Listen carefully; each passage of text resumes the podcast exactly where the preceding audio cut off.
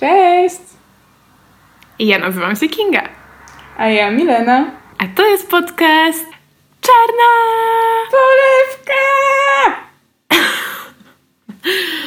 Już nie robimy synchronicznego. Może tak kiedyś w ludzi nie wyszła, więc... Nie, jak siedziałyśmy w jednym pokoju, to czasem wyszło.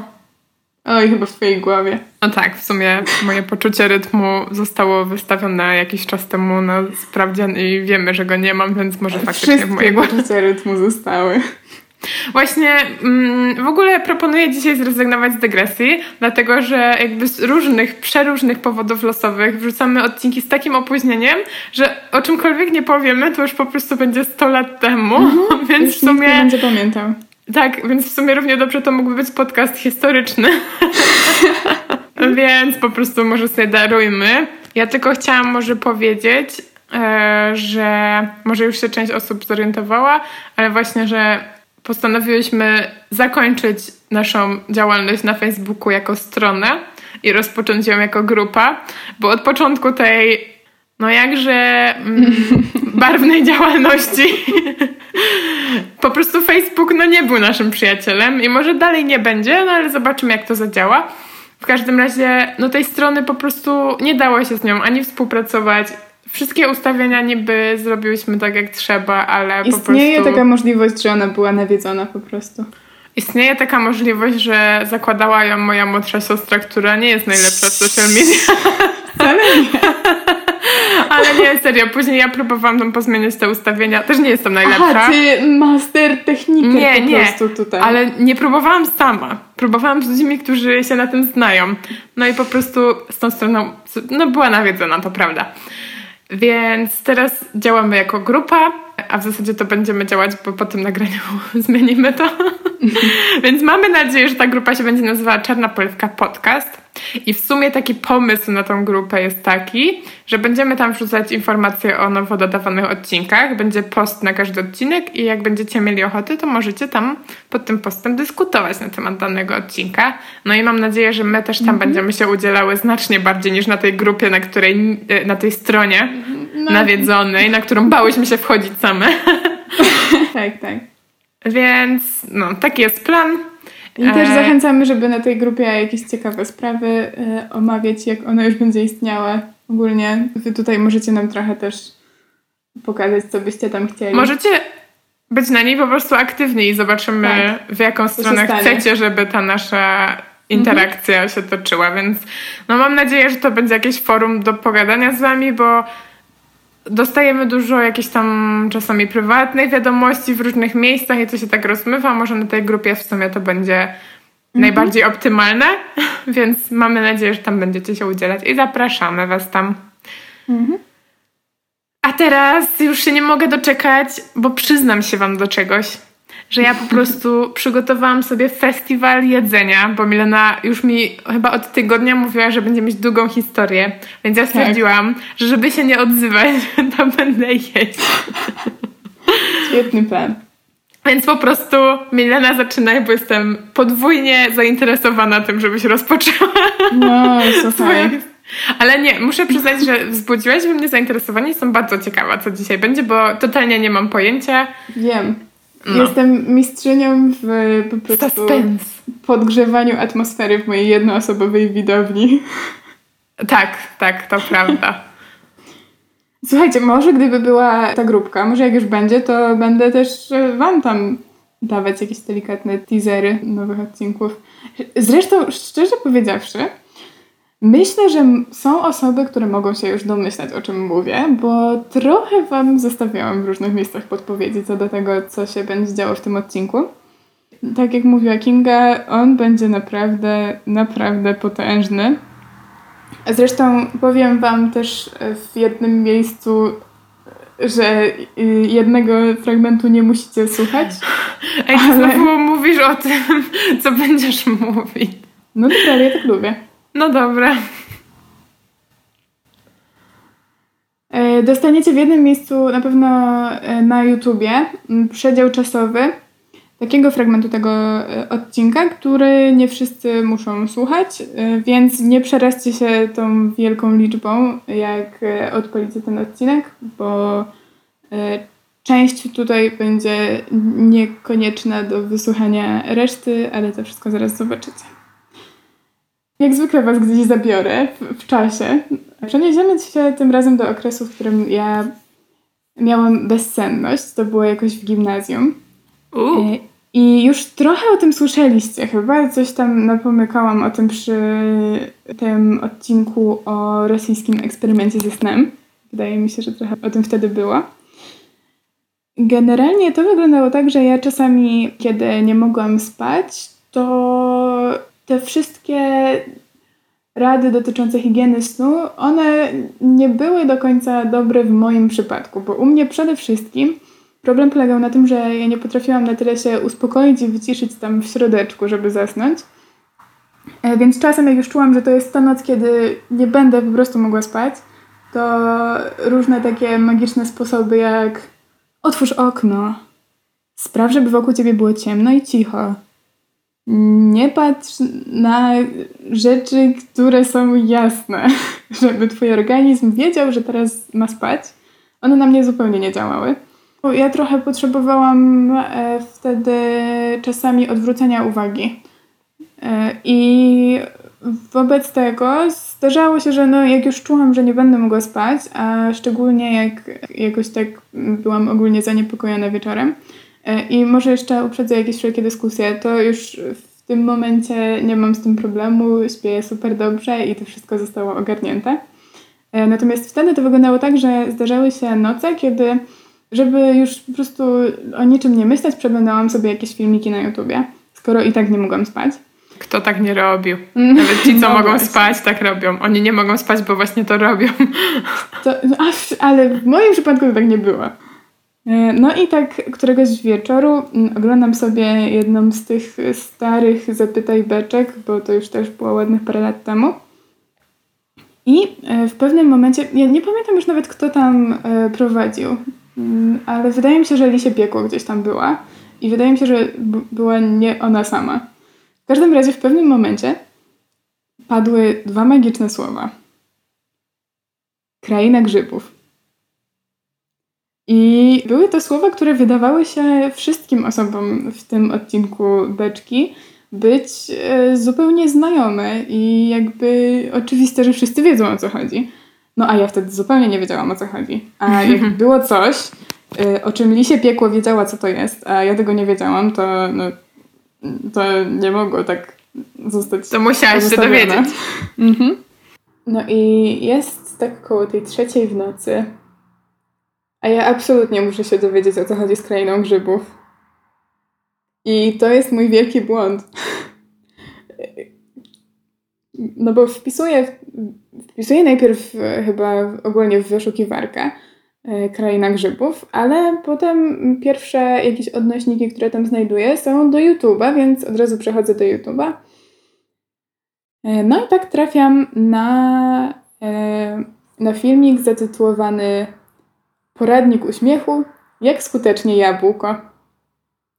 No i myślę sobie, dziwne te rzeczy oglądają ludzie prowadzący Zapytaj Beczkę. Ale dobra. Odpalam. Wytrzymałam, myślę, że maksymalnie 10 sekund. I następnego dnia poprosiłam mojego kolegę, żeby to obejrzał, bo po prostu nie mogłam wytrzymać tej niepewności, co tam się dzieje.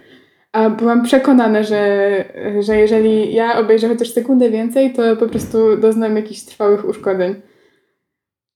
Mentalnych przynajmniej. Myślę, że jeszcze przez jakiś czas prześladowało mnie to, co tam ujrzałam. E, I z tego co wiem, to nie jestem jedyną taką osobą. Ponieważ e, przygotowując się do tego odcinka, między innymi przejrzałam wszystkie komentarze, jakie były pod tym właśnie filmikiem. A było ich chyba z 8 tysięcy i bardzo dużo z nich było o tym, że to jest strasznie niepokojące. Bardzo dużo osób też mówiło, że zaczęły oglądać, e, ale nie mogły dokończyć. Więc dlatego dla takich osób i też trochę dla osób, które oglądały, ale nie do końca pamiętają, co tam się działo, e, przygotowałam opis wszystkich odcinków i wszystkiego, co się w nich dzieje, i teraz Wam opowiem, co się tam dzieje. I myślę też, że to może ogólnie pomóc nawet osobom, które nie mają problemu z oglądaniem mm, tych materiałów, dlatego że tam bardzo dużo rzeczy dzieje się szybko. Także jeżeli się tego nie notuje, nie sprawdza też znaczenia niektórych e, fragmentów, albo nie doszukuje się, co gdzieś było napisane, albo co gdzieś ktoś powiedział, to e, dużo rzeczy może umknąć. Więc to jest właśnie ten fragment, który nie wszyscy muszą wysłuchać.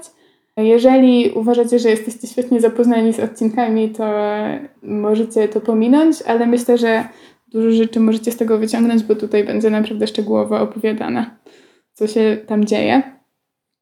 I myślę, że ta gimnazjalna ja byłaby mi bardzo wdzięczna za coś takiego, bo chciałaby wiedzieć, co, co się tam działo, nie musząc na to patrzeć. Czy ty obejrzałaś wszystkie te odcinki na tak. przykład milion razy, żeby to przygotować? Obejrzałam po kilka razy i też dużo było oglądania, zatrzymywania, pisania, sprawdzania, oglądania kawałka dalej. Oj, ale jesteś crazy. No wiem, teraz już jestem. Ej, przecież ten odcinek będzie trwał milion lat. No tak, będzie. Przecież oglądanie tych filmów trwało milion lat, a opowiedzenie tego będzie trwało milion milionów lat. No Przecież ja zdążę wyjść za mąż do tej pory i urodzić dziecko. No, no, Dobra, dobrze, że mam dużo jedzenia. Zamykam się i słucham. I swoją drogą oglądałam całkiem nie tak dawno ten te odcinki, część z nich, mm. bo jak ty wiesz, a większość słuchaczy nie wie, sama kiedyś miałam robić odcinek na temat, który uwzględniał krainę grzybów, więc jestem ciekawa, co mi umknęło, więc zamieniam się w słuch. Szczerze? I... Myślę, że wszystko ci umknęło, bo tam naprawdę jest tyle rzeczy i, i wszystko jest ważne. Nie, no wiem. A do tego... Mm, zresztą dobra, za chwilę dostaniecie to jak to wszystko wygląda. No dobra, no właśnie, to dawaj. E, no to tak. Mamy 23 grudnia 2013 roku. Czasy, kiedy YouTube, co prawda, już miał swoich zwolenników, działo się tam więcej niż e, kilka lat wcześniej, ale zdecydowanie nie był jeszcze aż tak tętniący życiem jak teraz.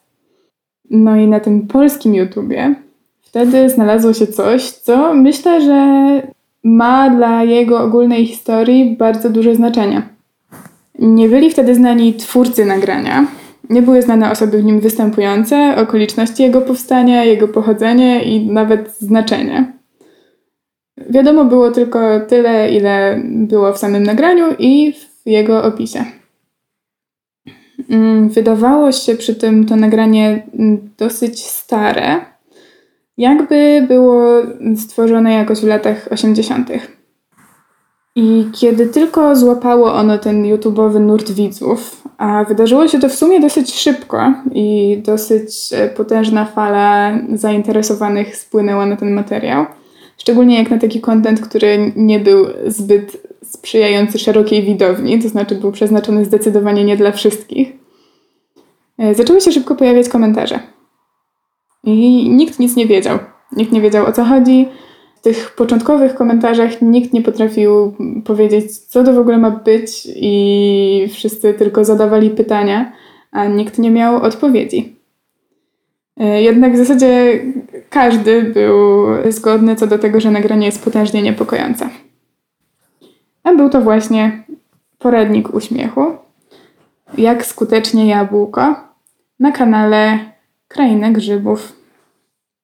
E, opis do odcinka brzmiał: Agatka dowiaduje się, w jaki sposób jabłko pomaga jej wiewiórka Małgosia, która również. Mama Agatki, chociaż nie ma pojęcia. Wszystko z wami w porządku, to ma brzmieć dziwnie. I tak samo nie mające sensu są wszystkie opisy do odcinków, które jeszcze nadejdą, więc myślę, że nie będę ich czytać, bo i tak jeżeli cokolwiek w nich jest, to jest też przeważnie w filmiku. No więc co się tam dzieje? Na początku na ekranie pojawia się na moment niewyraźny napis na czerwonym tle o treści LSFP Films, Palm Springs Enterprises i mm, napisane rzymskimi cyframi numer roku, który oznaczałby 1980 rok. No więc mamy też taką jasną sugestię, że nagranie jest stare. Potem pojawia się napis Poradnik uśmiechu. Mamy taką jakby czołówkę programu. W tle leci muzyka brzmiąca też zupełnie tak jak coś z 1980 roku. Następnie w poradniku wita nas młoda dziewczyna ubrana w granatowy sweterek w kwiatki, która w miejsce swoich oczu ma przymocowane oczy wyglądające jakby ktoś je wyciął z papieru. Dziewczynka macha do nas przez niezręcznie długą chwilę, a potem mówi, że w tym odcinku dowiemy się, jak skutecznie jabłko. Kiedy wypowiada słowo jabłko, na ekranie pojawia się napis Apfel, a jej głos zmienia się. Potem mamy scenę, gdzie Agatka, bo w zasadzie z opisu możemy się już domyśleć, że tak ma na imię dziewczynka, siedzi z nożem w ręce i jabłkiem na talerzu, ale zaraz zostaje ona przekreślona i pojawia się napis źle. Potem Agatka wyjaśnia, że jabłko składa się z nadjabłcza, krainy grzybów i papieru. A potem na ekranie pojawia się tekst. Strzeż się tej krainy grzybów, choć słoneczna kusi łąka, kto swe kroki tam skieruje, temu jeno płacz, rozłąka. I jest on podpisany jako pieśń z początku XX wieku. A w tle słychać jakiś głos przerobiony tak, że nie da się rozróżnić wypowiedzianych słów. Jest takim, jest bardzo niski i taki zblurowany. Potem wraca do nas Agatka, która ma bardzo zniekształconą twarz, wygląda potężnie niepokojąco. Myślę, że to jest ten moment, w którym ja stwierdziłam, że nie chcę wracać do krainy grzybów. I mówi, ale my się tym nie przejmujemy. Przez chwilę Agatka jakoś bawi się tym jabłkiem, a potem na ekranie pojawia się jakieś pomarańczowe stworzonko podpisane jako Teufel, co po niemiecku oznacza diabeł. Ta postać później e, w kolejnych odcinkach i też według opisu będzie nam znana jako wiewiórka Małgosia albo jakaś odmiana wiewiórki Małgosi. E, potem wracamy zaraz do Agatki, która drąży w jabłku nożem. Patrzy na nie tak bezmyślnie i po prostu kręci tym nożem, robiąc dziurę w jabłku. Zaraz potem widzimy postać, która z zarysu przypomina Agatkę, ale jest zacieniona i znajduje się w jakimś ciemnym pomieszczeniu. E, z opisu i z, ze wszystkich następnych fragmentów można wnioskować, że jest to mama Agatki. Wypowiada się też takim zmienionym głosem, że nie da się rozpoznać, jak brzmi naturalnie, ale jest on dużo wyraźniejszy niż ten wcześniej i do tego mamy napisy na ekranie.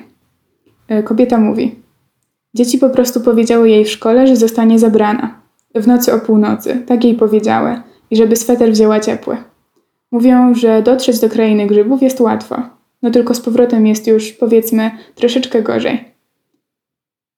E, wtedy na ekranie pojawia się napis Kraina Grzybów i seria obrazków, które wyglądają jakby po prostu miały tutaj tworzyć estetykę mm, i być niepokojące. E, potem głos kontynuuje. Ósma wieczorem Agatka przylatuje do mnie cała zasmarkana w skarpetkach. Mówi, mamo, mamo, chodź szybko. Ja się pytam, co się stało, a ona, no bo przyszedł pan z krainy grzybów. E, I w tym miejscu pojawia się czarno-białe nagranie jakby jakiejś kukiełki i głos w tle mówi No one can predict it. Best we can do is to be prepared for whatever might happen.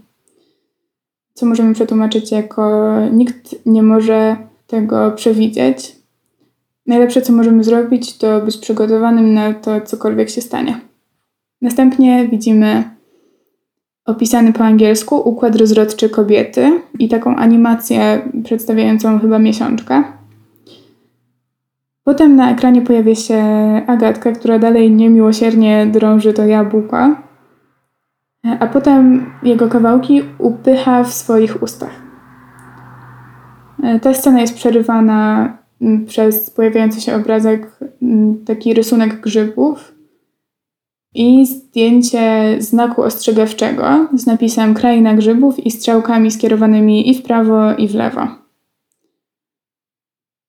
E, na ekranie na moment pojawia się przedstawiony nam wcześniej Teufel, tudzież wiewiórka Małgosia. A potem napis. Sprawdź, czy oddycha. Jej oczy są tak miękkie. Potem w serii krótkich scen widzimy m.in. E, wiewiórkę Małgosię, tak ją już będę nazywać, bo tak też jest ona nazywana dalej w odcinkach, z Agatką, jak patrzą na siebie. Jest też czarno-białe nagranie dzieci jedzących jabłka i pełzające larwy robaków. Agatka w pewnym momencie ogląda jabłko ze wszystkich stron i powtarza o nie, a potem przykłada je do swojego oka, tego naklejonego w miejsce jej oczu i tak jakby patrzy przez tą wydrążoną w jabłku dziurę. E, potem widzimy obrys głowy podzielony na części, w których napisane są liczby i napis Oto wylosowane liczby, zejdź mi z oczu, kretynko. Potem mam jeszcze kilka niepokojących scen. Pojawia się postać Agatki z napisem Prawdziwa Agatka już dawno. Po czym zaraz pojawia się wiewiórka Małgosia. Agatka w pewnym momencie patrzy poza kadr i mówi Cicho, nie mogę się skupić. Potem na ekranie pojawia się czaszka jakiegoś e, drapieżnego zwierzęcia. E, taka jakby, jakby rysunek tej czaszki. Agatka dalej drąży w jabłku i mówi Czułam się taka wyczerpana. Nic nie dawało mi już energii. Wtedy koło Agatki pojawia się ta pomarańczowa postać, wiewiórka Małgosia, i mówi: Musisz odnaleźć w sobie grzybowe światło. Agatka odpowiada: Ale ja nie potrafię. Na co Małgosia mówi: Spójrz na mnie, Agato, jesteś pełna grzybów. Agatka odpowiada: Ja nie wiedziałam. A co z jabłkami? I wtedy w lewym dolnym rogu ekranu pojawia się kobieta mm, komunikująca coś w języku migowym. Ale ona tak tylko jakby przelatuje przez ten lewy dolny róg ekranu i niedługo potem znika. Małgosia odpowiada wtedy, jakimi jabłkami? E, I na ekranie widać jabłko, które zaraz zamienia się w grzyb i Agatkę z napisem szok. A potem śmiejącą się Agatkę i Małgosię. Później twarz Małgosi nagle trochę się zniekształca, jakby jej części zsuwały się w dół, ale zaraz za chwilę wszystko wraca do normy. Na końcu Agatka macha nam na do widzenia i mamy końcowy napis Kraina Grzybów. I generalnie ta rama mm, początku z, z napisem Kraina Grzybów, witającą nas Agatką i napisem Kraina Grzybów na końcu będzie już utrzymana we wszystkich kolejnych y, odcinkach poradnika uśmiechu. Ale ten wstęp z tam Enterprises, coś tam już się nie pojawia. Zresztą on w tym pierwszym odcinku też był tylko na chwileczkę. No więc potem przechodzimy do odcinka drugiego pod tytułem Jak zrobić z papieru. Agatka po standardowym wstępie mm, podaje tytuł odcinka, ale na słowie papieru zacina się. I Małgosia wtedy musi skończyć za nią. A potem na ekranie na chwilę mm, pojawia się taka niepokojąca, zniekształcona twarz Agatki. Później Agatka mówi nam, czego będziemy potrzebować, ale wymienia tylko papier kilka razy. I na ekranie przy tym pojawiają się różne białe przedmioty, na przykład jakieś pudełka, taśma, butelka. I na końcu wymienia i mnóstwo dobrej zabawy. A wtedy Małgosia z boku mówi jej, nie zapomnij o dobrej zabawie. A Agatka na to, wiem, Jezu, spadaj stąd downie. Małgosia odpowiada do niej zmienionym głosem, takim trochę bardziej agresywnym.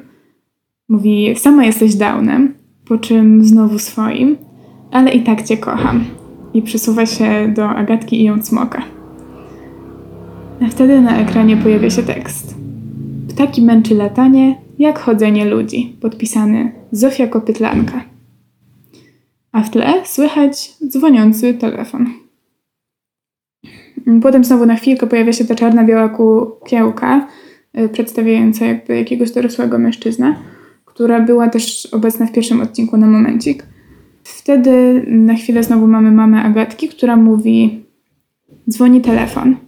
Odbieram, cisza. To tak dniami i nocami się ciągnęło. W końcu któregoś dnia słyszę głos w słuchawce. No niech pani włączy telewizor. Ja się pytam, po co? A on, no bo pani córka jest w telewizji. Myśmy zostały po prostu rozdzielone, jak to mięso od przysłowiowej kości.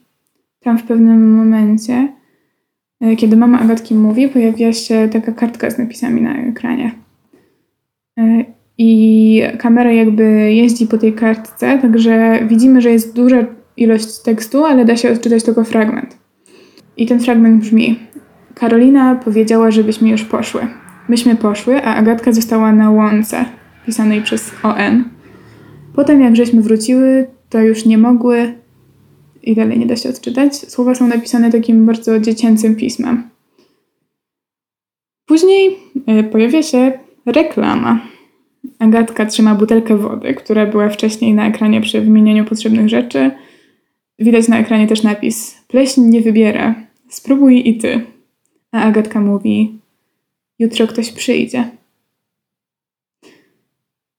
Potem mamy znak że koniec reklamy i znowu widzimy potrzebne rzeczy, czyli ten zbiór różnych dziwnych białych przedmiotów, raczej przypadkowych. A Agatka wtedy y, staje przy tych rzeczach i mówi: Macie już wszystko? Źle, nie potrzebujecie tego. I zmiata je ręką ze stołu, po czym mówi: Wystarczy trochę agrestu, malin, bananów, kompotu. I w czasie, kiedy Agatka wymienia, y, widzimy rękę piszącą takim dziecięcym pismem krowa, po czym skreślającą napis. E, też przy tym wymienianiu Agatki mamy e, taką, takie graficzne przedstawienie, jakby z jej ust wypadają te rzeczy, które wymienia, czyli tam agres, maliny, banany i kompot. E, ja wiem, że to brzmi bardzo chaotycznie, ale tutaj realnie jest tak, że bardzo szybko przeskakujemy ze sceny na scenę, postaci zmieniają miejsce co chwilę. Więc naprawdę dzieje się to, co mówię. E, później za chwilę na ekranie pojawia się napis Krówsko, mm, już takimi pisanymi komputerowo literami. E, I Małgosia, przy czym Małgosia jest chyba jakby w tej postaci Toifela, to znaczy przynajmniej jest trochę ciemniejsza. A kiedy pojawiła się ta Małgosia podpisana jako Toifel, to miała właśnie taką ciemno-pomarańczową skórę, a normalnie ma czy tam sierść, a normalnie ma y, jasno-pomarańczową. I ta Małgosia uderza w trójkąt, a na dole jest napis kuch przez samo H. Potem Agatka otwiera pudełko, z którego wylatuje napis zazdrość. Widzimy za chwilę dwie Agatki i z ust jednej do drugiej przelatuje napis zmartwienia.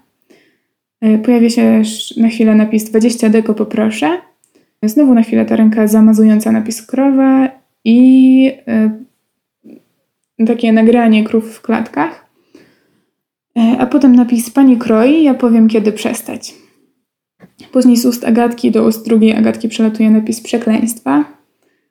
Potem mamy rysunek krowy z zaznaczonym i opisanym układem rozrodczym oraz yy, kuchnia, a wiemy, że to kuchnia, bo jest tak podpisana. E, później mamy e, jakby ciało jakiegoś zwierzęcia, takie oskurowane i krojone piłą. Później nagle ręce rozrywają ten zamazany napis krowa i pod nim ukazuje się napis mama. A później e, pisany komputerowo napis zapach twego jeansu. Później mamy Agatkę w koronie, na którą pada śnieg. Dziewczynka mówi: O nie, zostałam królową śniegu, co mam teraz zrobić? A Małgosia na to odpowiada: Szybko wypowiedz zaklęcie. Agatka mówi: Bubalus, bubalis, a psik, a Małgosia krzyczy: Nie to. Potem mamy serię jakichś dziwnych znaków i obrazów, które wydają się nie mieć większego znaczenia. Następnie Agatka mówi: Nasze uszy, nasze kąciki nosa, wszystko puchnie i znika. Puch, puch, puch, puch.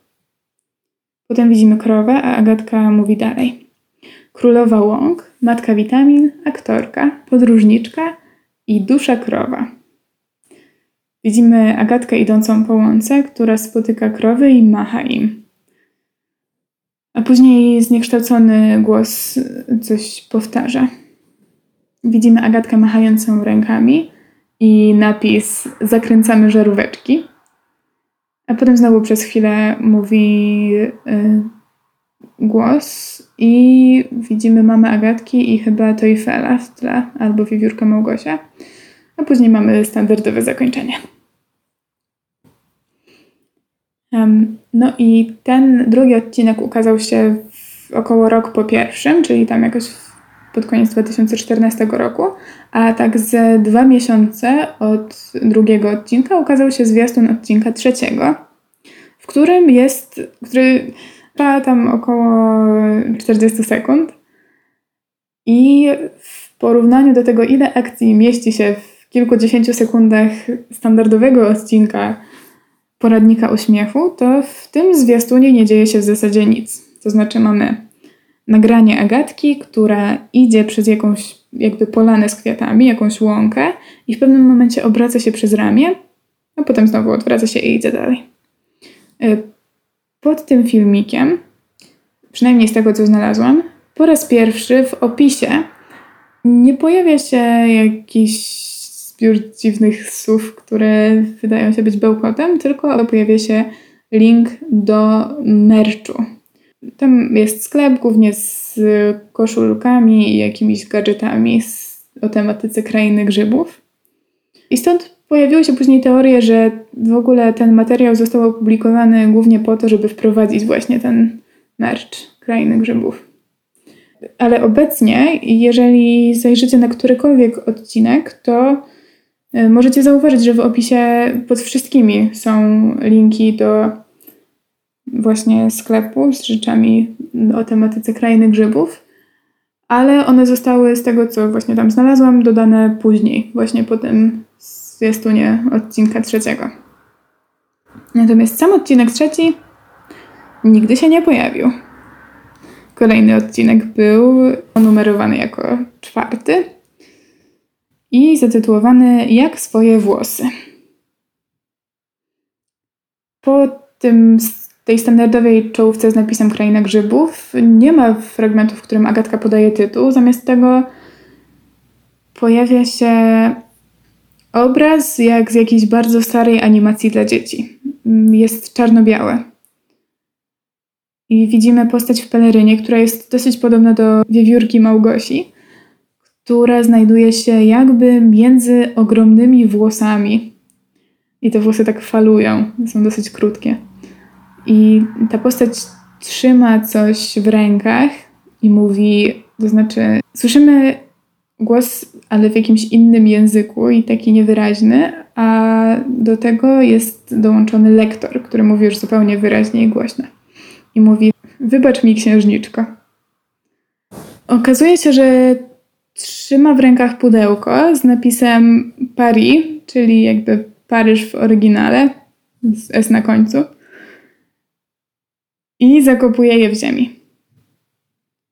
Potem pojawia się jakby muzyka końcowa bajki i napis takim azjatyckim pismem. Postać staje się pomarańczowa i ta cała czołówka jest już kolorowa. Zrzuca pelerynę, odwraca się i wygląda już zupełnie jak wiewiórka Małgosia, a w tle pojawiają się grzyby.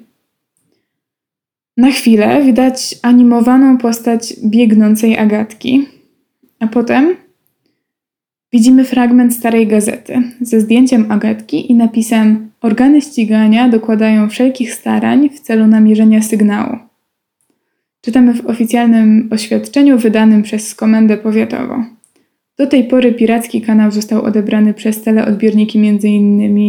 w Stegience, Sztutowie, Suchym Dąbiu i Szczerbiecinie. Furgonetka na niemie, dalej nie widać co jest napisane. Pojawia się mama Agatki mówiąca: Policja nic nie może zrobić, dyrektor nic nie może zrobić, ksiądz nic nie może zrobić. Wszyscy tylko umywają ręce pod siebie. Dwa miesiące temu był trop prowadzący do Garwolina, że tam ktoś ją podobno widział. To żeśmy same z bratową wzięły samochód, pojechały. Na miejscu okazało się, że to miasto istnieje tylko na mapie. Ona mówi do mnie: Mamo, ty się o mnie nie martw, mi tam jest dobrze w krainie grzybów. Ale to nie była Agatka. No ja własnego dziecka bym nie poznała? Podczas gdy kobieta mówi, widzimy innymi grzyby, karalucha, jakąś postać obróconą tyłem rozczesującą włosy. Później pojawia się napis suffering, czyli cierpienie po angielsku, dłoń, a później napis Tylko samolotem, zabawką leci się naprawdę, podpisany Zofia Kopytlanka. Później jest segment, w którym Agatka przegląda i prezentuje listy od telewidzów. Widzimy tam na przykład kartkę z życzeniami z okazji ósmych urodzin dla Monisi od świętej pamięci babci Józefy z rodziną. Potem Agatka mówi, że Kacper z Bytomia przysłał nam swoje włosy i wyciąga płukiel włosów z koperty, przy czym śmieje się. Potem widzimy karaluchy, znak Kraina Grzybów 20 metrów. Agatka zaraz z kolejnej koperty wyciąga napis słoń, po czym udaje, że jest słoniem. Następnie znowu mamy kartkę z życzeniami dla Karolka z Bielska od wesołej cioci Ireny. I na tej kartce jest dopisek. PS. Na litość boską, ona się dusi, dzwoń po... Koniec tego napisu. Z kolejnej koperty Agatka wyciąga rysunek mężczyzny podpisany jako jeansowy człowiek, po czym słyszy jakiś dźwięk i wzdryga się. Pyta, jest tu kto? Jakaś kobieta, też z zaklejonymi oczami i o fioletowych ustach, ucisza Agatkę gestem. Potem pojawia się jeansowy człowiek, czyli po prostu jakiś mężczyzna w średnim wieku,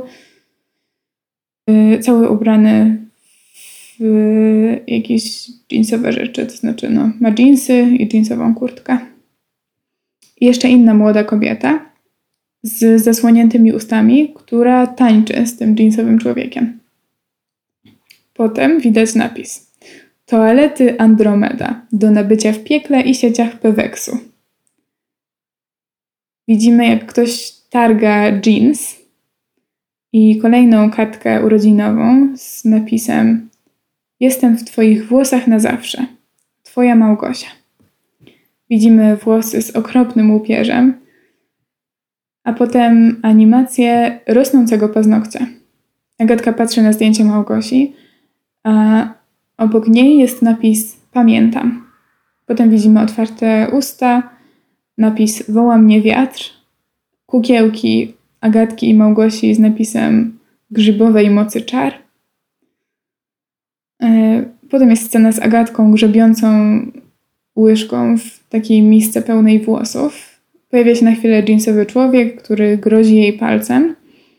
A potem Agatka i człowiek razem grzebią w misce i razem tak raczej sztucznie się śmieją, jakby coś udawali oboje, szczególnie Agatka.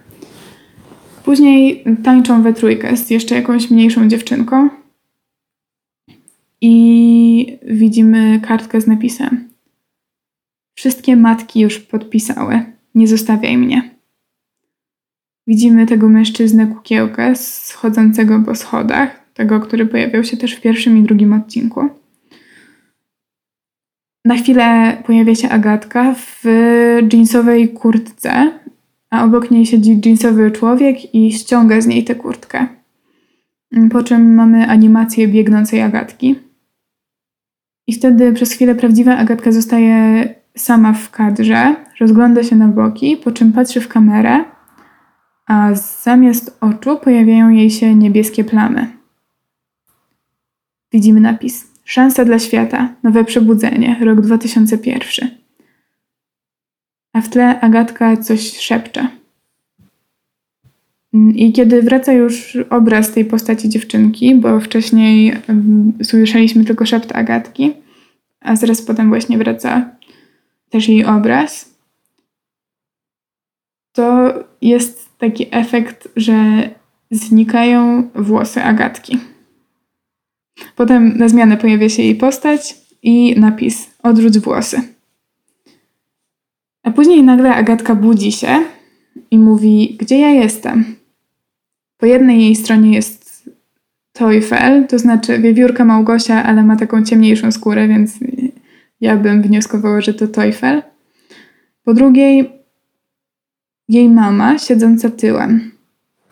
Agatka takim bardzo dziecinnym głosem woła mama i obraca ją, ale tam, gdzie powinna być twarz kobiety, jest twarz jakiegoś mężczyzny. Być może jest to jeansowy człowiek. Odcinek kończy się, ale czołówka jest jakby bardziej niepokojąca niż zazwyczaj. Mm, wszystko się tak rozmywa pojawiają się jakieś zielone plamy, nie wiadomo co.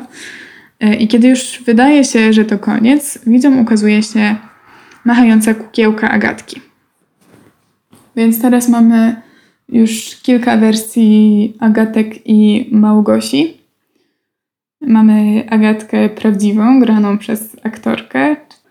Mamy kukiełkę Agatkę i mamy Agatkę animowaną. Podobnie jest z wiewiórką Małgosią, to znaczy jest animowana w taki trochę bardziej realistyczny sposób, animowana w taki trochę mniej realistyczny sposób i Małgosia Kukiełka. Odcinek piąty zatytułowany jest Jak poprawnie telefon. Po czołówce widzimy Agatkę siedzącą przy stole, ale jej głowa jakby spoczywa na tym stole i dziewczynka wygląda trochę jakby przysnęła. I po chwili jakby z Agatki wyłania się głowa, która wygląda tak jak postać Agatki bez włosów. I ta głowa mówi jej głosem. Y, I zaczyna głosem Agatki przedstawiać nam właśnie ten tytuł odcinka. A równocześnie z, spoza kadru wyłania się kij, który szturcha Agatkę. No i dziewczyna się budzi i rozbudzona tam powtarza po głowie końcówkę tytułu odcinka. A w tym momencie dzwoni telefon. I wtedy Agatka, w tym momencie już nie ma tej głowy, nie ma kija, y, obudzona Agatka mówi: Hola, hola, urwi się. Najpierw musimy poznać numer. Agatka nagle zaczyna się trząść, jakby dostawała jakiegoś ataku, a po ekranie z góry zlatują cyfry i puzzle. Dziewczynka w pewnym momencie upada, a z prawej strony ekranu zaraz wychodzi kolejna Agatka i zachowuje się już zupełnie inaczej. Mm, chodzi z taką manierą, ma pomalowane na czerwono usta i ogólnie ma makijaż. Jest dużo odważniejsza wobec kamery i taka, taka bardziej gwiazdeczka z niej jest. I wtedy, wtedy ta druga Agatka zapowiada nam, że czas teraz na telegrę. Po czołówce telegry widzimy tę pomalowaną Agatkę, a obok niej jakby unosi się w powietrzu, tak jak to no, czasem jest na takich różnych y, grach, że się dzwoni i się mówi, co się widzi w obrazku na przykład. E, widzimy taką planszę do gry z owocami. A obok dziewczynki jest telefon. I Agatka wtedy tłumaczy, że aby poznać numer, należy usunąć pola z owocami. Wtedy do Agatki dzwoni Agatka. E, wiemy to dlatego, że postać osoby dzwoniącej pojawia się tam na ekranie w takim kółeczku. Więc dzwoni telefon, Agatka pomalowana odbiera i pojawia się kółeczko z tą niepomalowaną Agatką, tą wcześniejszą. I tak, obie mówią do siebie kilka razy halo, tu Agatka. I tak powtarzają raz jedna, raz druga to halo, tu Agatka. Po czym prowadząca Agatka odkłada w pewnym momencie telefon i uśmiecha się jakby nigdy nic. Potem dzwoni Hatshepsut z Bytomia. I wiemy, że jest to Hatshepsut z Bytomia, ponieważ mamy y, podpis. Hatshepsut mówi coś takim głosem, który brzmi jakby jak taka parodia roztrajkotanej dziewczyny. Y, wygląda też trochę jak taka lalka i również ma przymocowane oczy w miejscu oczu.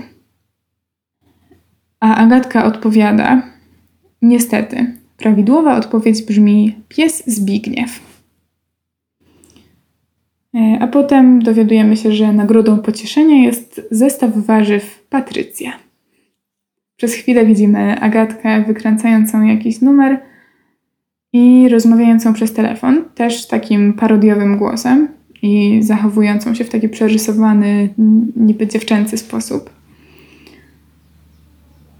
Potem pojawia się zdjęcie otwartych ust Agatki, tych pomalowanych, i napis: Co zrób, kiedy robi telefon? I w tym momencie dzwoni Małgosia i mówi Agatce, że zabiera ją na wycieczkę. Mówi też, że jest również w nosie Agatki i wszędzie. A przy tym wszędzie pojawia się napis überall, czyli wszędzie po niemiecku. Małgosia pyta Agatkę, ile ta ma lat, kiedy już są na tej wycieczce. To znaczy w tle mamy takie rysowane wzgórza i ścieżkę. Agatka pokazuje dwie ręce i mówi tyle, co sugerowałoby, że ma 10 lat. A Małgosia wtedy takim zaniepokojonym głosem mówi nagle, że nie mają dużo czasu, bo Małgorzata 3000 już się zbliża. E, ale przy tym Małgosia każe Agatce się nie przejmować. Agatka zaczyna kaszleć, e, kaszle na otwartą rękę i wypluwa białe kwiatki. E, pokazuje te kwiatki Małgosi i pyta ją, co to oznacza, a Małgosia na to mówi, tak jak myślałam. Potem mm, widzimy rysowaną Agatkę i rysowaną Małgosię i taką komiksową scenę z nimi i z lekarzem. Także wszystkie ich wypowiedzi są napisane na ekranie, a te postaci są tylko takimi rysunkami. No i dialog wygląda tak, że lekarz mówi As you can see, the mushrooms are finally receding. No i to by się tłumaczyło jako jak możecie zauważyć, grzyby wreszcie się cofają. I wtedy Agatka i Małgosia dziękują mu po angielsku, a lekarz mówi You're almost fully reflowered, czyli jakby jesteś prawie całkowicie odkwiecona, czy coś w tym rodzaju. Na co Agatka odpowiada I want to die, czyli chcę umrzeć. Potem przeskakujemy znowu do tych zwykłych Agatki i Małgosi. I Małgosia mówi do Agatki: Prędko, musisz nie mieć palca. I wtedy pojawia się mm, taki, pojawia się dłoń. Taka średnio realistyczna. Wygląda trochę jakby była ulepiona z jakiejś plasteliny. I jej palec zostaje odcięty, a Agatka krzyczy, a potem zaczyna biec. I wtedy przenosimy się do takiego jakby cyfrowego świata, to znaczy wszystko jest zrobione z takich niebieskich linii. I jest tam też postać podobna do wiewiórki Małgosi, tylko też właśnie z takich niebieskich linii i jest ona podpisana jako Małgorzata 3000. Mamy kilka niepokojących scen, w tym na przykład nagranie spadających na ziemię zgniłych jabłek i głos mężczyzny mówiący Fallen apples are bruised, czyli no tam coś w rodzaju Mm, spadające jabłka są uszkodzone, czy coś takiego. E, widzimy biegnącą Agatkę, a potem Agatkę, która wykręca numer i trzymając słuchawkę przy uchu, mm, na jej ustach pojawiają się karteczki z napisami Mamo, to ja, Agatka. W pewnym momencie jej twarz zmienia się i pojawia się napis Uwaga, zły pies. Potem widzimy Małgosię na ścieżce, która pochyla się i jakby obraca głowę w stronę widza, jakby w stronę kamery. Mówi, coś jest nie tak, uciekaj do ostatniego odcinka. Po czym na ekranie mruga napis, test psa. Agatka biegnie, a tło to jest to miejsce, w którym tworzy, tworzona była Małgorzata 3000. E, bo tam w tej scenie, kiedy ona się pojawiła, to wyglądało jakby ona jeszcze tam jakoś była programowana czy coś. Oprócz tego też w tym takim cyfrowym świecie widać takie jakby cyfrowe grzyby. W pewnym momencie Agatka zaczyna szczekać, a potem znowu mamy serię dziwnych i niepokojących scen. Następnie widzimy dłoń Agatki z tymi wykaszlanymi wcześniej kwiatami i słyszymy jej głos mówiący Moje ręce pachniały jak ziemniaki. Nie rozumiałam tego, nie mogłam się z tym pogodzić tak do końca no po prostu nie byłam sobą tak do końca, można powiedzieć. I kiedy to mówi, na ekranie pojawia się jeszcze postać leżącej Hatshepsut z Bytomia, która trzyma w ręku kwiaty. I jest tak ułożona jak takie różne damskie postaci, które umierają w dramatycznych scenach. Wiecie, tak położona, ręce ma wyprostowane na klatce piersiowej i trzyma w nich. No i na chwilę znowu biegnąca animacja Agatki. Muzyka zmienia się, widać psa pijącego z miski i słychać głos mamy Agatki mówiący. W krainie grzybów jest dobrze, krainie grzybów jest bezpiecznie, Kraina grzybów trwać będzie wiecznie. O, tak nam powtarzali. To, co miał człowiek nie wierzyć. Czasami człowiek myśli, żeby już z tym wszystkim skończyć po prostu, że już dalej nie da rady. No, są takie momenty zwątpienia, prawda? Kiedy kobieta kończy mówić, widzimy obraz, jakby ktoś kręcił jakąś piwnicę, czy coś w tym rodzaju. Jakieś raczej mroczne miejsce. Potem wracamy do świata Małgorzaty 3000 y, i tam z nieba spadają cyfrowe grzyby. Agatka przechadza się między takimi dużymi cyfrowymi grzybami i nagle znajduje coś jakby duży prostopadłościan, którego jedna ściana jest czerwona, a pozostałe takie błękitne. I wtedy odcinek nagle zupełnie kończy się bez czołówki, po prostu mamy koniec. No i przychodzi czas na odcinek szósty, zatytułowany Jak swoje dziecko. E, mamy standardową czołówkę z napisem Kraina Grzybów, a potem widzimy Agatkę, która głaszcze swoją lalkę, a wokół niej jest wieniec kwiatów, taki wyglądający trochę jak wieniec pogrzebowy. Nagle Agatka podnosi głowę i mówi, że nas nie zauważyła, po czym wita nas w ostatnim odcinku poradniku uśmiechu. Więc mamy powrót do sytuacji, w której to Agatka nas wita. Ale nagle lalka, którą Agatka trzyma, zaczyna płakać, a Agatka pochyla się nad nią i mówi cicho, po czym patrząc na kamerę mówi, bo nie mogę się skupić w stronę widza. I wtedy mamy wklejony śmiech widowni, taki dźwięk śmiejącego się tłumu ludzi. I pojawia się uśmiechnięta głowa Małgosi z podpisem humorystyczne. Więc możemy wnioskować, że to jest takie nawiązanie do tego fragmentu w pierwszym odcinku, gdzie Agatka patrzyła poza kadrę w pewnym momencie i krzyczała właśnie cicho, nie mogę się skupić. E, potem jest przejście z Agatką bawiącą się lalką na tle globusa. Takie telewizyjne przejście i mamy podpis, że wkraczamy właśnie do segmentu świat and dzieci. Agatka oznajmia nam, że dziś nauczymy się swoje dziecko. Na ekranie widać azjatyckie pismo, które po przetłumaczeniu okazuje się, że oznacza to jest koniec. Agatka mówi: Dziecko przede wszystkim musi się zachowywać. I potem pochyla się do swojej lalki i mówi: No, zachowuj się. Czego się nie zachowujesz, młoda damo? Wtedy mamy zbliżenie na lalkę i napis brak zachowania, a Agatka dalej mówi: Chcesz być jak ta Justynka? I na ekranie pojawia się Justynka, mm, czyli jakaś mała dziewczynka z naklejonymi właśnie też oczami w miejscu oczu, która tak wrzuca się na boki, krzyczy, ale bezdźwięcznie i jest jakby przyspieszona i mamy pod nią podpis Dzikie dziecko. A potem Agatka opowiada bajkę lalce leżącej w łóżeczku. I tak bajka Agatki brzmi. Dawno, dawno temu w Dolinie Kwiatów żyła sobie Justynka. Była bardzo, bardzo niegrzeczna i nie umiała się zachowywać i jej wykrzywiło buzię. Mamy serię scen z Justynką, która ma właśnie wykrzywioną buzię, i lalką, i nagle pojawia się napis Wydostań się osobiście. W pewnym momencie widzimy też krowę i postać, która wygląda trochę jak połączenie Małgosi i myszki Miki. Lalka przez chwilę jakby unosi się w powietrzu, i, a pod nią jest napis Wesołych Świąt. Na chwilę pojawia się tańczące dziecko w sweterku w chmurki. I w pewnym momencie jest też scena, gdzie głowa Agatki kilka razy tak jakby przesuwa się do góry. Taki efekt mamy tutaj wprowadzony. A na jej miejscu pojawia się znowu głowa Agatki, to znaczy tak jakby cały czas Agatka jest Agatką, ale wciąż z niej rozchodzi się jakby jej głowa, która się tak przesuwa do góry. Ale za którymś razem pod spodem tej przesuwającej się do góry głowy nie wyłania się znowu głowa Agatki, tylko na tej głowie z włosami Agatki jest twarz Małgosi.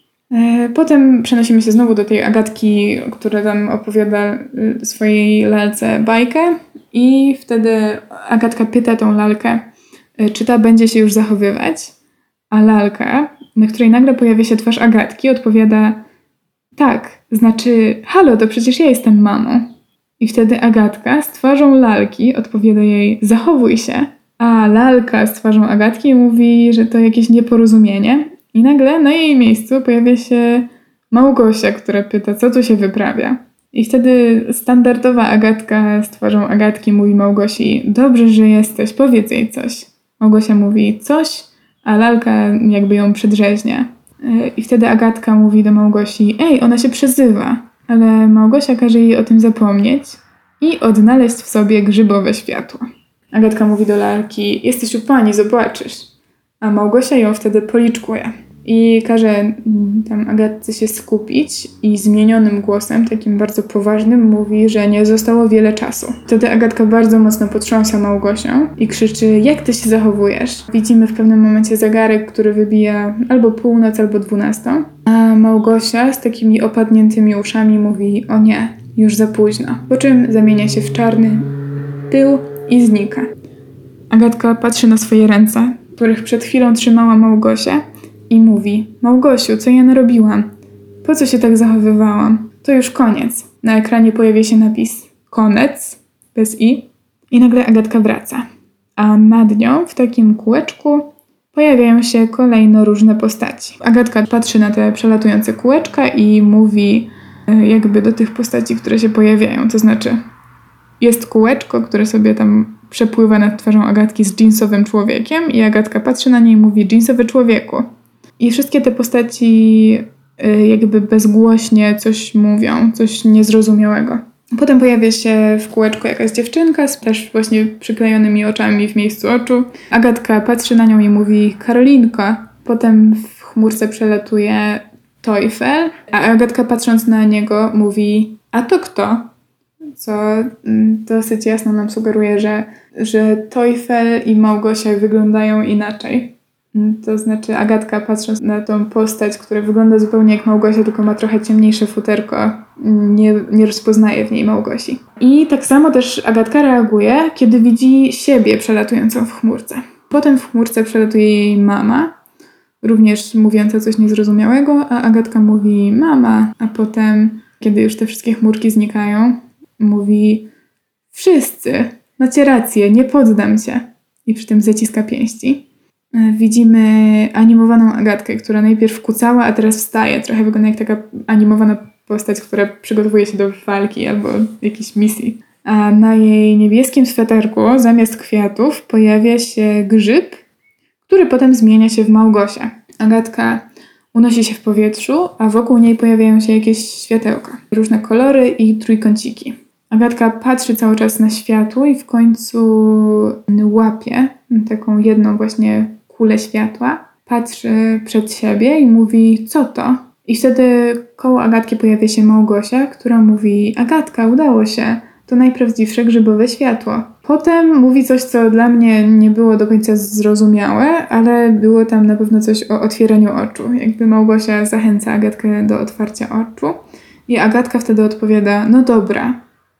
I ściąga te oczy, które miała przyczepione w miejscu swoich oczu. I tam pod nimi są zamknięte powieki.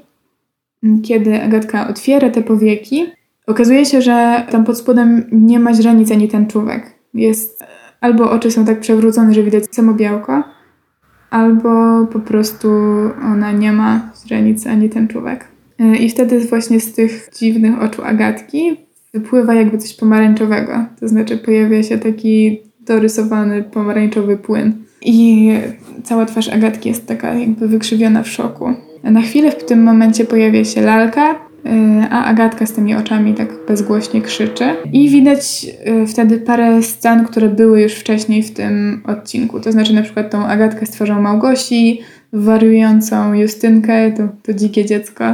I nagle wszystko cichnie. I pojawia się Agatka i Małgosia, które siedzą sobie na łące. I Agatka wtedy mówi do Małgosi, jak dobrze, że wszystko się skończyło. Znaczy, jak wszystko, że dobrze się skończyło. A Małgosia odpowiada, a co z jabłkami? Agatka na to, ej, to ja mówię. I obie zaczynają się śmiać. Śmieją się tak dosyć długo, a po jakimś czasie śmiech Agatki zaczyna brzmieć bardziej jak płacz. Słychać dalej ten jakby śmiech Małgosi mieszający się z płaczem Agatki, kiedy pojawia się na ekranie seria różnych scen po, z poprzednich odcinków, a na końcu tego odcinka za to mamy Agatkę, widoczną od głowy do pasa na tle jakby takiego szarawo-białego prostokąta. Wygląda trochę jakby była w czymś uwięziona. I jest to teoretycznie ostatni odcinek Krainy Grzybów. Ale w międzyczasie i tam po tym pojawiały się również różne odcinki specjalne, świąteczne i tego typu, które raczej nie wnosiły nic ciekawego do całości, ale i tak zachęcam do zobaczenia ich. One wydaje mi się, że są już trochę mniej niepokojące niż te główne odcinki. I oprócz tego jeszcze parę materiałów, które szczerze powiedziawszy nie są już tak popularne, nie, nie są już tak, tak, nie mają tak wielu wyświetleń i myślę, że niektórym osobom, które nie grzebały w tym tak bardzo, mogły umknąć. Mamy na przykład filmik zatytułowany Kraina Grzybów TV, pauza, końcówka programu 21.09.1994 rok. I on ma chyba tam niecały milion wyświetleń. I no to akurat jest jeszcze całkiem dużo. Zaraz przejdziemy do trochę bardziej niszowego filmiku. A ten nie ma ani opisu, ani tradycyjnego wstępu. Jest za to w prawym górnym rogu logo jakby stacji telewizyjnej z napisem właśnie Kraina Grzybów TV. I widzimy Agatkę, która siedzi na trawie, na jakiejś łące, a daleko w tle widać osiedle bloków i ta Agatka jakby recytuje jakiś tekst. W każdym razie mówi coś takim spokojnym głosem. Z samego początku nie słyszymy. Słyszymy ten tekst od i twego kataru pieśni najsłodszej i oczu twoich martwych milczących. Tyś mi do brzucha gałązek natkała, bym już nigdy nie zaznała głodu. Tyś me uszy woskiem ciepłym zakleiła, bym bluźnierstw słuchać nie musiała. Oczy me, o mamo, odjęłaś łyżeczką, bym na oczy plugastw nie przejrzała. I przy tej końcówce mamy zbliżenie na oczy z papieru przyczepione w miejsce oczu Agatki. Widzimy też takie różne artystyczne zbliżenia na łąkę i las z łagodną, spokojną muzyką. A potem pojawia się mama Agatki, która mówi i tyle. Żadnego podpisu, żadnego adresu zwrotnego. O, i tylko kraina grzybów na odwrocie. Tyle zostało. W tym miejscu jest przerwa na ujęcie lasu, ludzi idących ścieżką i jakiegoś bloku. A potem mama Agatki dalej mówi. Mówią, że nadzieja jest jak ta głupia matka, co umiera na końcu. Ja, dopóki żyję, to czekać będę, bo co innego mi zostało. Potem pojawiają się napisy. Po raz pierwszy w historii Krainy Grzybów mamy napisy. Wreszcie możemy otrzymać jakieś nazwiska, z tym, że nie ma ich wiele. Mm, mamy nazwiska aktorów przyporządkowane do granych przez nich postaci. Ale poza tym w zasadzie wszystkie pozostałe role przypisane są do jednego imienia i nazwiska, jakim jest Wiktor Stribok. W 2013, kiedy zaczynał on tworzyć Krainę Grzybów, był to student kulturoznawstwa, a w centrum jego zainteresowań była kultura internetu, różne kwestie związane z memami, viralami i tym, co się dzieje w internecie. I ten młody mężczyzna, nie mając w zasadzie doświadczenia w tworzeniu filmów, nie mając jakichś szczególnych znajomości, odpowiadał za realizację tak dużego pro projektu. A poza tym jest on też autorem muzyki do Krainy Grzybów. Stworzył ją, nie umiejąc grać na żadnym instrumencie i nie znając zupełnie nut. Jeśli chodzi o to, co sam Wiktor Stribok opowiada o projekcie, to można dostać parę informacji o tym, jak on się czuje jako autor tego projektu. Troszkę wiemy o jakichś jego inspiracjach, e, trochę o okolicznościach tworzenia, natomiast wszędzie, gdzie mężczyzna się wypowiada, bardzo wydaje się omijać te pytania o interpretację i nigdy nie wytłumaczył, o co w ogóle chodziło. No ale to nie koniec, mm, bo około rok temu na kanale ukazał się materiał, który ma tylko około niecałe 90 tysięcy wyświetleń z tego, co widziałam ostatnio. Więc no, jest to liczba w zasadzie nieporównywalna do tych wyświetleń pod materiałami z poradnika uśmiechu, które tam zawsze krążyły około miliona, Mm, czy kilku milionów. I myślę, że ten materiał tak naprawdę bardzo dużo wnosi do tej całej opowieści. Nosi on tytuł Fragment programu Gdzie jest Agata? I jest w całości poświęcony wypowiedziom mamy Agatki. A jak już może zdążyliście się zorientować, mama Agatki to jest ta postać w tej całej historii, której chyba najbardziej możemy ufać. Jej wypowiedzi zawsze są składne i przekazują co prawda strzępki jakiejś opowieści, ale wydaje się być ona dosyć wiarygodna i przy tym sama mama Agatki raczej wydaje się nie mylić w zeznaniach. No więc tak w tym materiale kobieta opowiada, jak wygląda jej życie po stracie Agatki. Opowiada o tym, jak tam wykonuje różne codzienne czynności, bo w końcu trzeba jakoś żyć. I opowiada nam, że w nocy prześladuje ją jakieś dziwne pukanie, które tam raz na jakiś czas się pojawia, i pojawia się wtedy, kiedy kobieta jakoś tam leży czy tam siedzi, a kiedy ona wstaje i zaczyna szukać źródła tego pukania, to ono zaraz ustaje. I też różni techniczni specjaliści, tam proszeni o pomoc przez mamę Agatki, mówili, że wszystko jest w porządku i nic nie wydaje się być tam źródłem tego pukania. Przez długi czas nikt oprócz kobiety też tego nie słyszał. Ale w pewnym momencie, któregoś dnia, rozlega się tak głośny huk, że aż pękają niektóre szyby w bloku. No i tutaj mamy chociażby kolejną informację, że Agatka z mamą mieszkały w bloku. Następnego dnia po tym jednym dużym huku ludzie normalnie poszli do pracy i szkoły. Mówiono, że to jakiś niewybuch, ale mama Agatki uważa, że to dziewczynka chce wrócić do domu. Dalej kobieta opowiada, że czuje, tak jakby ludzie wokół niej, to wszystko, co się wokół niej dzieje, to było obce. Łudzi się, że kiedyś gdzieś wyjedzie albo coś się zmieni, ale wie, że to nieprawda. Wie, że wszędzie będzie tak samo, że nie ma żadnego innego życia. Jest tylko kraina grzybów. I kiedy kobieta mówi właśnie to, jest tylko kraina grzybów, na ekranie pojawia się Agatka z rękami na twarzy, taka zasłaniająca twarz rękami i potrząsające głową. Poza tym, oprócz tam utworów ze ścieżki dźwiękowej Krainy Grzybów, z materiałów, w których realnie by się coś działo, niecałe pół roku temu na kanale Krainy Grzybów pojawił się jeden, jak na razie ostatni materiał pod tytułem What was the Cont Incident? Przy tym kont to jest tutaj C-O-N-T, pisane dużymi literami. No i tłumaczyłoby się to jako czym był incydent kont. Ja szczerze powiedziawszy jakoś specjalnie bym go nie łączyła z poradnikiem uśmiechu, bo nie mamy tam żadnych postaci związanych z poradnikiem uśmiechu. Generalnie z tego co widziałam, to też w żadnych interpretacjach nikt tego nie nadmienia i raczej jest to traktowane jako osobna historia. Dlaczego pojawiło się na kanale Krainy Grzybów? Tego nie wiem.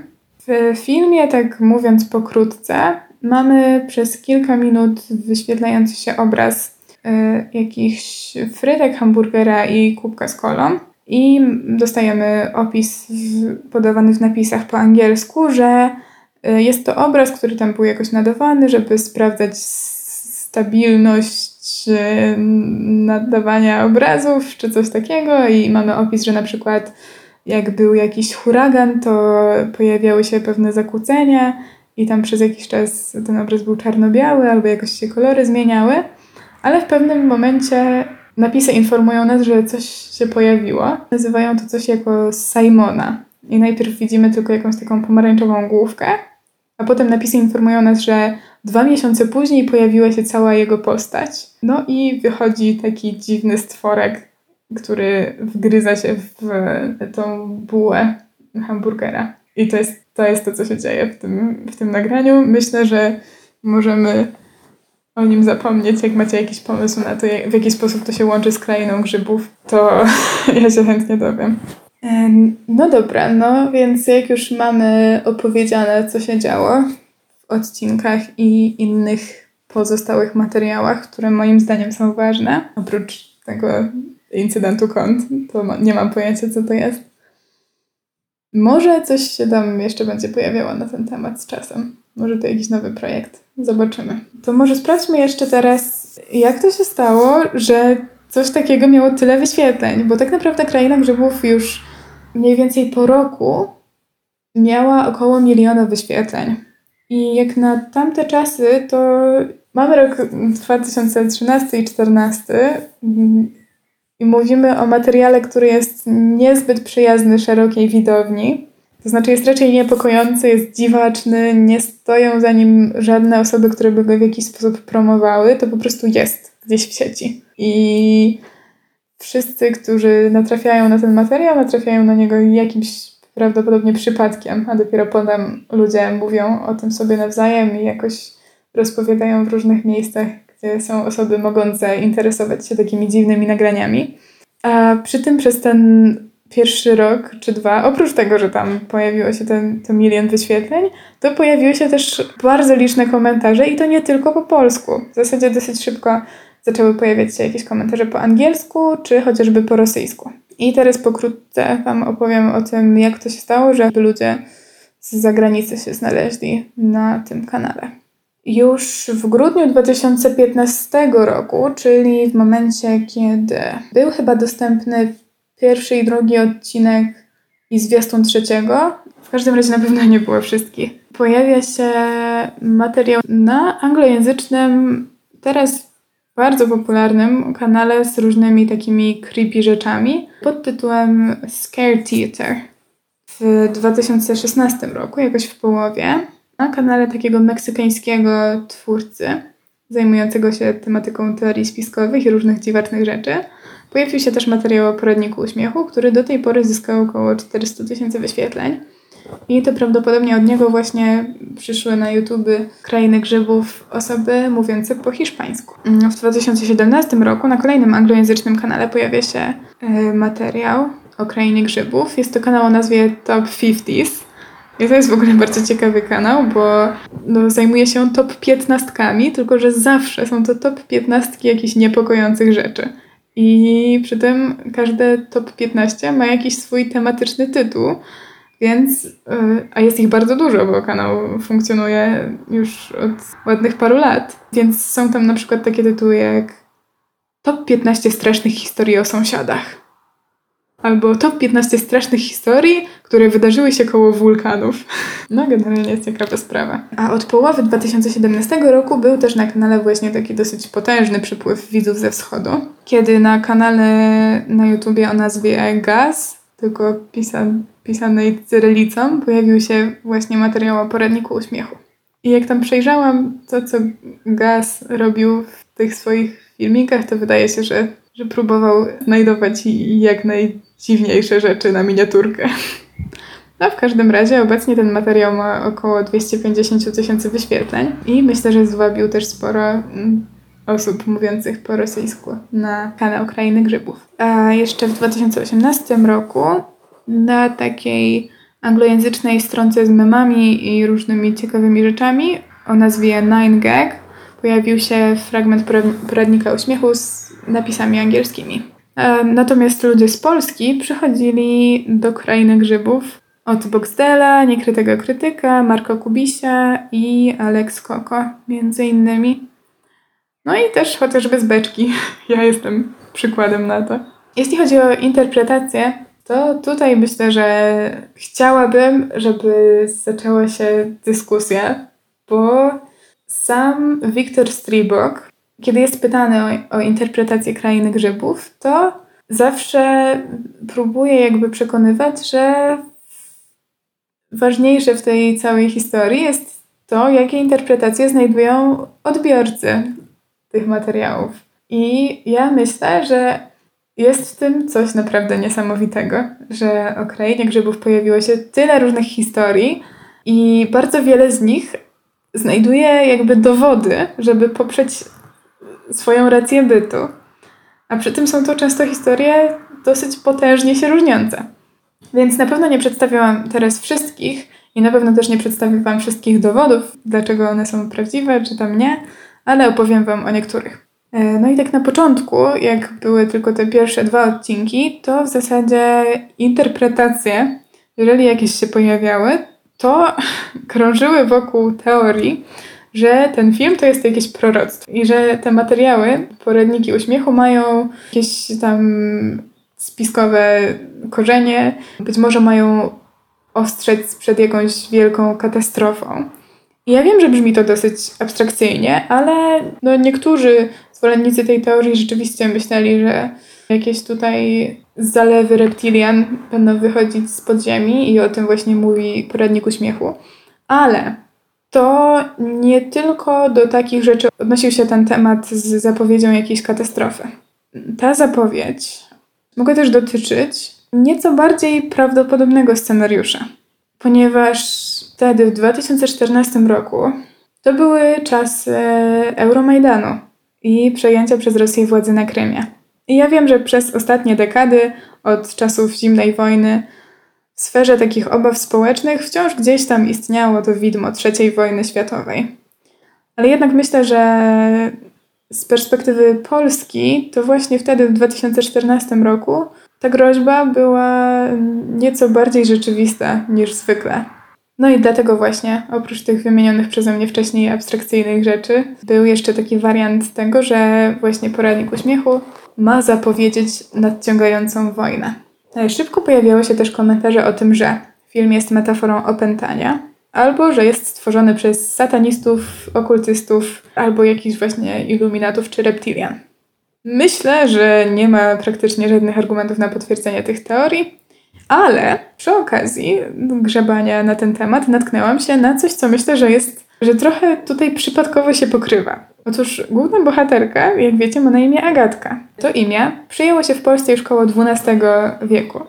Z tym, że początkowo funkcjonowało w formie Jagata, a jego bardzo często używanym zdrobnieniem było Jaga.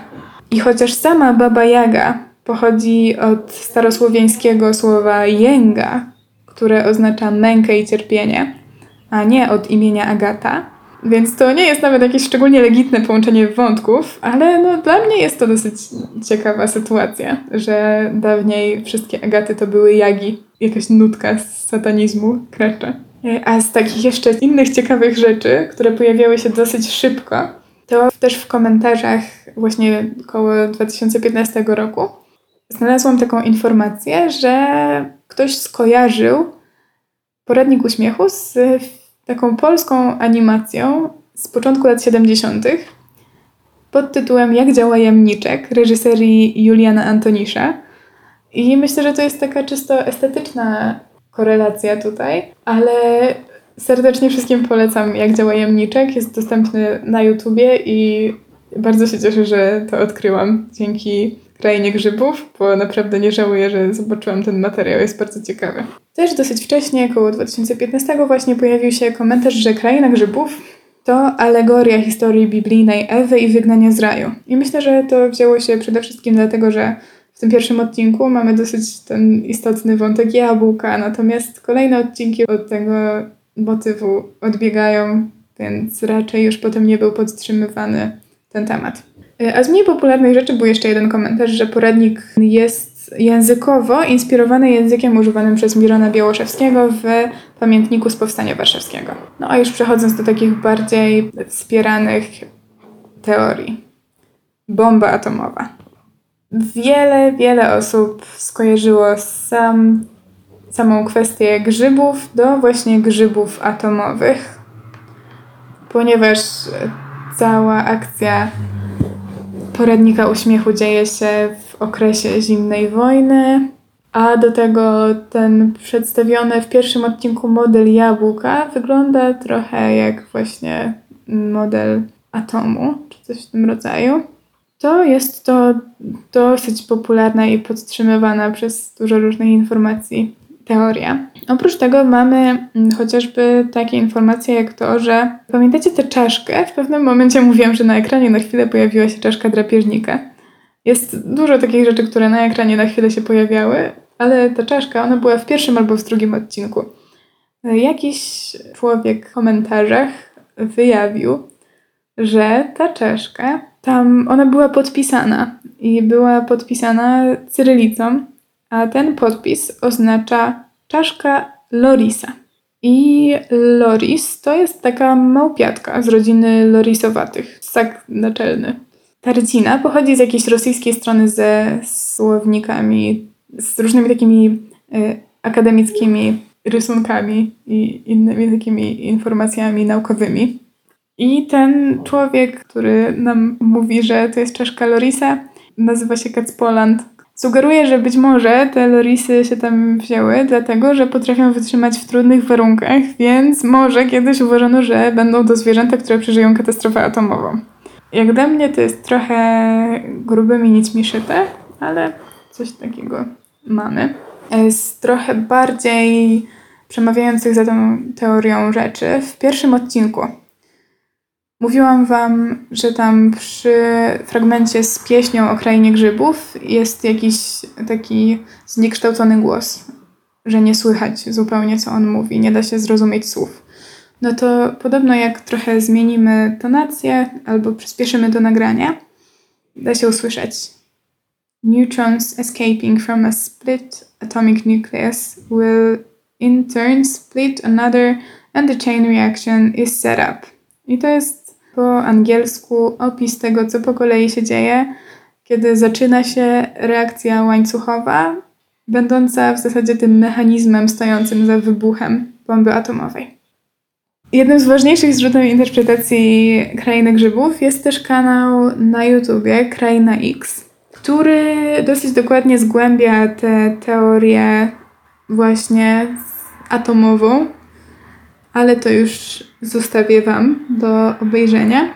Kolejna taka opcja to jest wybuch w Czarnobylu, że, że właśnie to przedstawia poradnik uśmiechu i myślę, że to jest taka trochę siostrzyczka tej historii atomowej, tylko że jest nieco mniej wiarygodna, przynajmniej jak dla mnie. Kolejna teoria, która również zaczęła się pojawiać dosyć szybko, to jest takie proste tłumaczenie tego, co widzimy w poradniku uśmiechu, jako po prostu obrazów pojawiających się na jakimś złym tripie narkotykowym. I cała historia przedstawia życie osoby uzależnionej od psychodelików. I została ona innymi napomknięta w materiale na temat krainy grzybów na, kala- na kanale anglojęzycznym Nexpo. Pojawiały się też komentarze, że Agatka jest osobą chorą psychicznie, na przykład Y, użytkownik Mystical Fantasy pisał, że Agatka jest chora na histrioniczne zaburzenie osobowości. Jest to taki rodzaj zaburzenia osobowości, w którym osoby cierpiące na to starają się w taki przesadny sposób wyrażać emocjonalnie i zachowują się teatralnie, starają się zwrócić na siebie uwagę i często prowokują seksualnie. Oprócz tego pojawiały się komentarze, że niektóre postacie w filmie są chore na schizofrenię albo osobowość mnogą lub też cierpią na różne inne zaburzenia psychiczne. Schizofrenia czy też osobowość mnoga były sugerowane m.in. Agatce lub jej mamie, a także Małgosi, ale według niektórych teorii Małgosia jest właśnie wytworem chorej wyobraźni Agatki. A poza tym matce Agatki przypisywano też cechy takiej osobowości depresyjnej.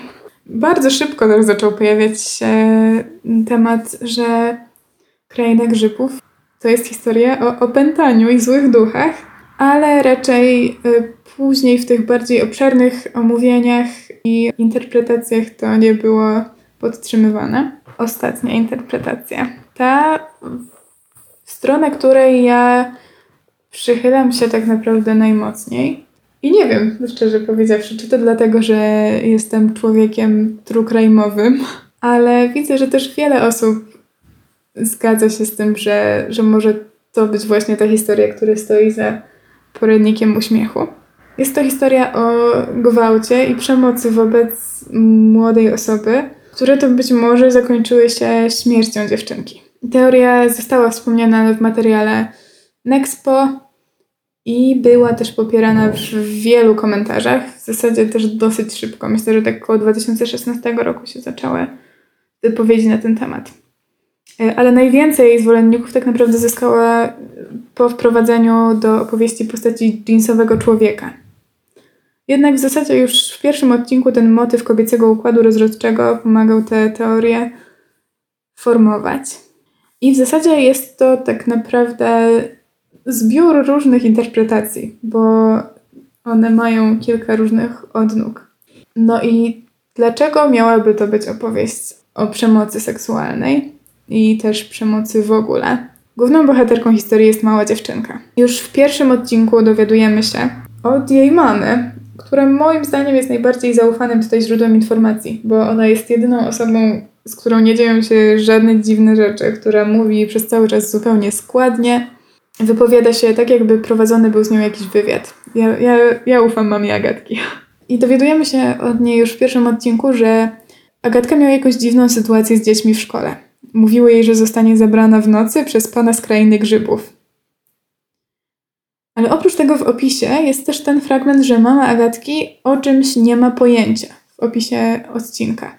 I to, jak dla mnie, może nasuwać wniosek, że w szkole albo ogólnie w towarzystwie Agatki dzieje się coś złego, co częściowo mm, jest właśnie w świadomości mamy dziewczynki, ale ona nie wie do końca, jak poważny jest problem. Być może jest to sytuacja, w której mm, inne dzieci z towarzystwa Agatki mają doświadczenia z jakimś człowiekiem, który robi im krzywdę, ale nie wiedzą za bardzo tak do końca, co z tym zrobić.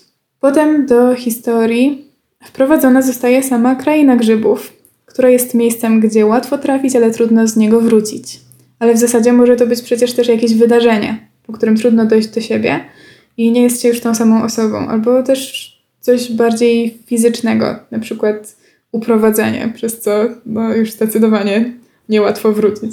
Agatka drążąca jabłko nożem może również być symbolem utraty właśnie takiego bezpieczeństwa seksualnego w brutalnych okolicznościach i z użyciem właśnie przemocy.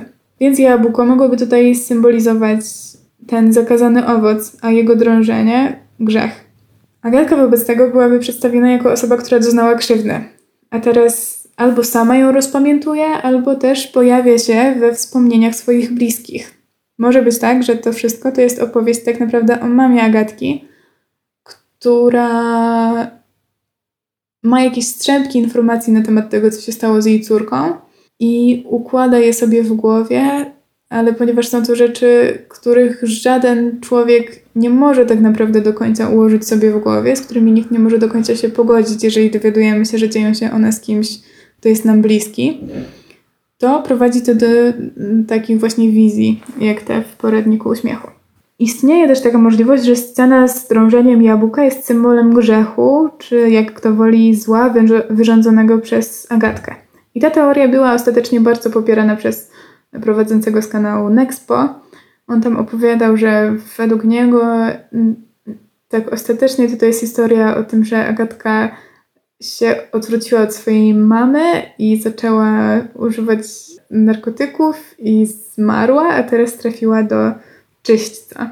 Małgosia według tej teorii byłaby jej przewodnikiem po czyśćcu, tak jak Wergiliusz był przewodnikiem Dantego w boskiej komedii. No, a cała ta droga byłaby drogą przez kręgi czyśćca według właśnie Dantego, gdzie tam każdy krąg jest tematycznie związany z jakimś grzechem i stąd na przykład e, to opychanie się jabłkiem to byłoby właśnie nieumiarkowanie w jedzeniu i piciu. E, mamy też ten pojawiający się napis zazdrość na przykład i ten motyw, że mama Agatki mówi w tym ostatnim nagraniu, że ona wie, że Agatka gdzieś tutaj jest i chciałaby wrócić. A zakończenie całej serii oznaczałoby, że Agatka dalej jest z jakiegoś powodu uwięziona w czyśćcu. Ten, ten obraz Agatki w jakimś takim białym prostokącie, która jakby nie może się stamtąd wydostać. No i trochę się tutaj zgadza, ale jak dla mnie, jak dla mnie to nie jest to. I ja myślę, że każdy może mieć inne zdanie na ten temat. I jak dla mnie to, to po prostu nie jest to. Tak do końca przynajmniej. Myślę, że to jednak Agatka była tą osobą, która tutaj została skrzywdzona. I myślę też, że chociażby te fragmenty w pierwszym odcinku, gdzie na scenie pojawiają się mm, listy robaków, może to sugerować, że Agatka już nie żyje.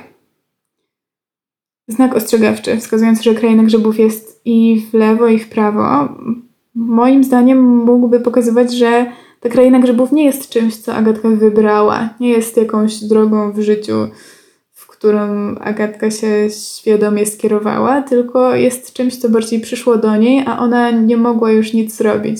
Może coś zostało właśnie zrobione wbrew jej woli.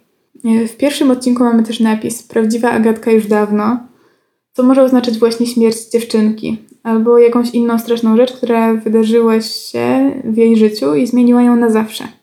Mamy też chociażby ten napis ze sprawdź, czy oddycha i oczy są takie miękkie. Co mogłoby oznaczać, że e, na przykład Agatka była torturowana przez kilka osób i e, to, co one jej robiły, w pewnym momencie doprowadziło właśnie do śmierci dziewczynki. Małgosia, według mojej interpretacji, może być właśnie postacią wykreowaną przez Agatkę. Takim kimś, kto pojawia się w jej głowie i został stworzony przez nią w obliczu traumy. I Małgosia mogłaby wobec tego jakoś trochę pomagać jej radzić sobie z tym, co ją spotyka. Być takim kimś, kto jest po jej stronie w sytuacji, w której została ona odłączona od wszystkich bliskich. Tak jak to powiedziała mama Agatki, jak to przysłowiowe mięso od kości. Jednak Małgosia też nie jest y, bez wad i stara się wskazywać jakoś Agatce drogę i sposób na radzenie sobie, ale ostatecznie często okazuje się, że ta Małgosia też nie do końca wie, o co w tym wszystkim chodzi.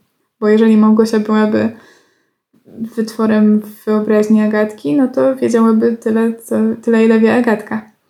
I ma też takie swoje niepokojące odnogi, jak na przykład ta Małgorzata 3000 i Teufel.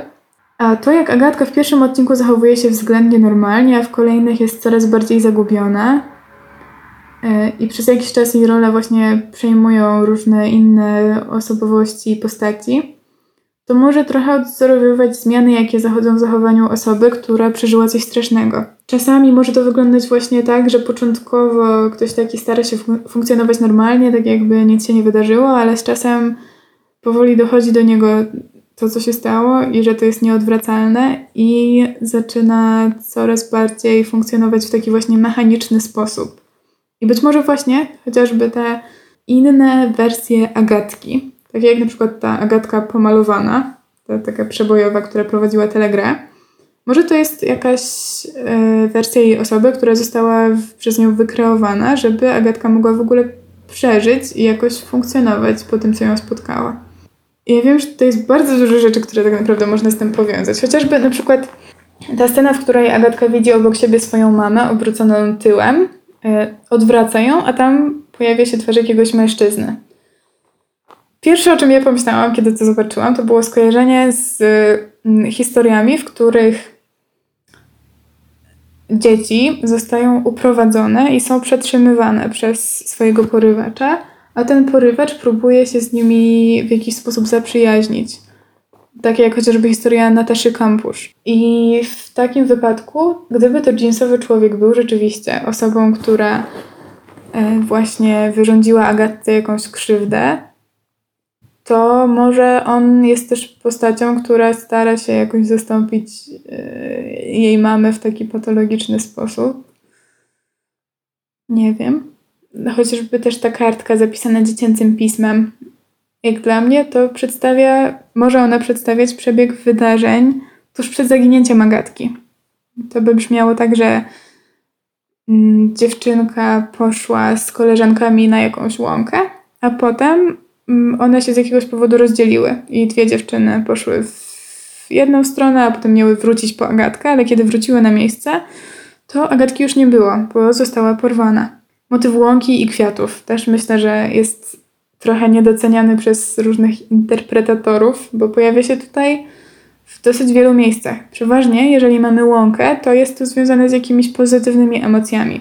Na przykład y, było kilka scen, gdzie tam Agatka i Małgosia właśnie były razem na łące i tam raczej się jakoś uśmiechały i wszystko było ok.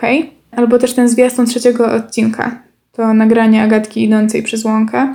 On też w całości toczy się właśnie na łące i wygląda jak dla mnie trochę tak nostalgicznie. A obok tych łąk bardzo często przedstawione są bloki w różnych scenach, gdzie mamy łąki. Często tam gdzieś w tle daleko widać bloki. I moim zdaniem to by było całkiem prawdopodobne jako sceneria, w której właśnie wydarzyła się cała ta historia. No bo jak takie małe dziewczynki się gdzieś wybrały na spacer, a wiemy, że Agatka z mamą mieszkają w bloku, to może po prostu przeszły się na jakąś łąkę koło swojego bloku, bo nigdzie dalej by im raczej rodzice nie pozwolili się wybierać. Oprócz tego te wszystkie wyznania mamy Agatki, że na przykład ktoś zadzwonił do niej i poinformował ją, że jej dziecko jest w telewizji. Z jakiego powodu Agatka mogłaby być w telewizji? Chyba najprostsze, co mi przychodzi do głowy, to jest właśnie to, że była to informacja o Agatce, która była uważana wtedy za osobę zaginioną albo zmarłą. I dlatego pojawiła się w telewizji. Mama Agatki oprócz tego mówi, że wciąż ma nadzieję i będzie czekać, dopóki żyje. No i nie wiem jak wam, ale mi to zupełnie przypomina słowa osoby, której zaginęło dziecko. I ostatecznie ten materiał pod tytułem fragment programu, gdzie jest Agata, jest dziwny. Tak jak to wszystko jest dziwne, jest tutaj dużo różnych rzeczy, które się trochę nie zgadzają, ale myślę, że już ostatecznie chociażby te kilka dziwnych rzeczy, które się wydarza w tym wszystkim, może się nawet toczyć w wyobraźni mamy Agatki. Te różne dziwne zdarzenia, chociażby pukanie, bo myślę, że dosyć jasne jest to, że mama Agatki jest w bardzo ciężkim stanie, że coś bardzo mocno przeżywa. I tym czymś myślę, że też dosyć możemy, możemy uznać, że jest to już prawda absolutna tutaj, że Agatki z jakiegoś powodu nie ma z jej mamą. Więc trochę ta teoria ma zwolenników i w ich szeregach myślę, że na pewno jestem ja. Nie wiem na ile to jest dlatego, że się po prostu nasłuchałam opowieści o porwaniach. Ale myślę, że tutaj dosyć dużo rzeczy do siebie pasuje. A przede wszystkim, jak dla mnie, bardzo ciekawe w krainie grzybów jest po prostu to, że to jest taka niekończąca się kopalnia teorii. I można tutaj wysnuć dużo różnych opowieści i znaleźć ich potwierdzenie.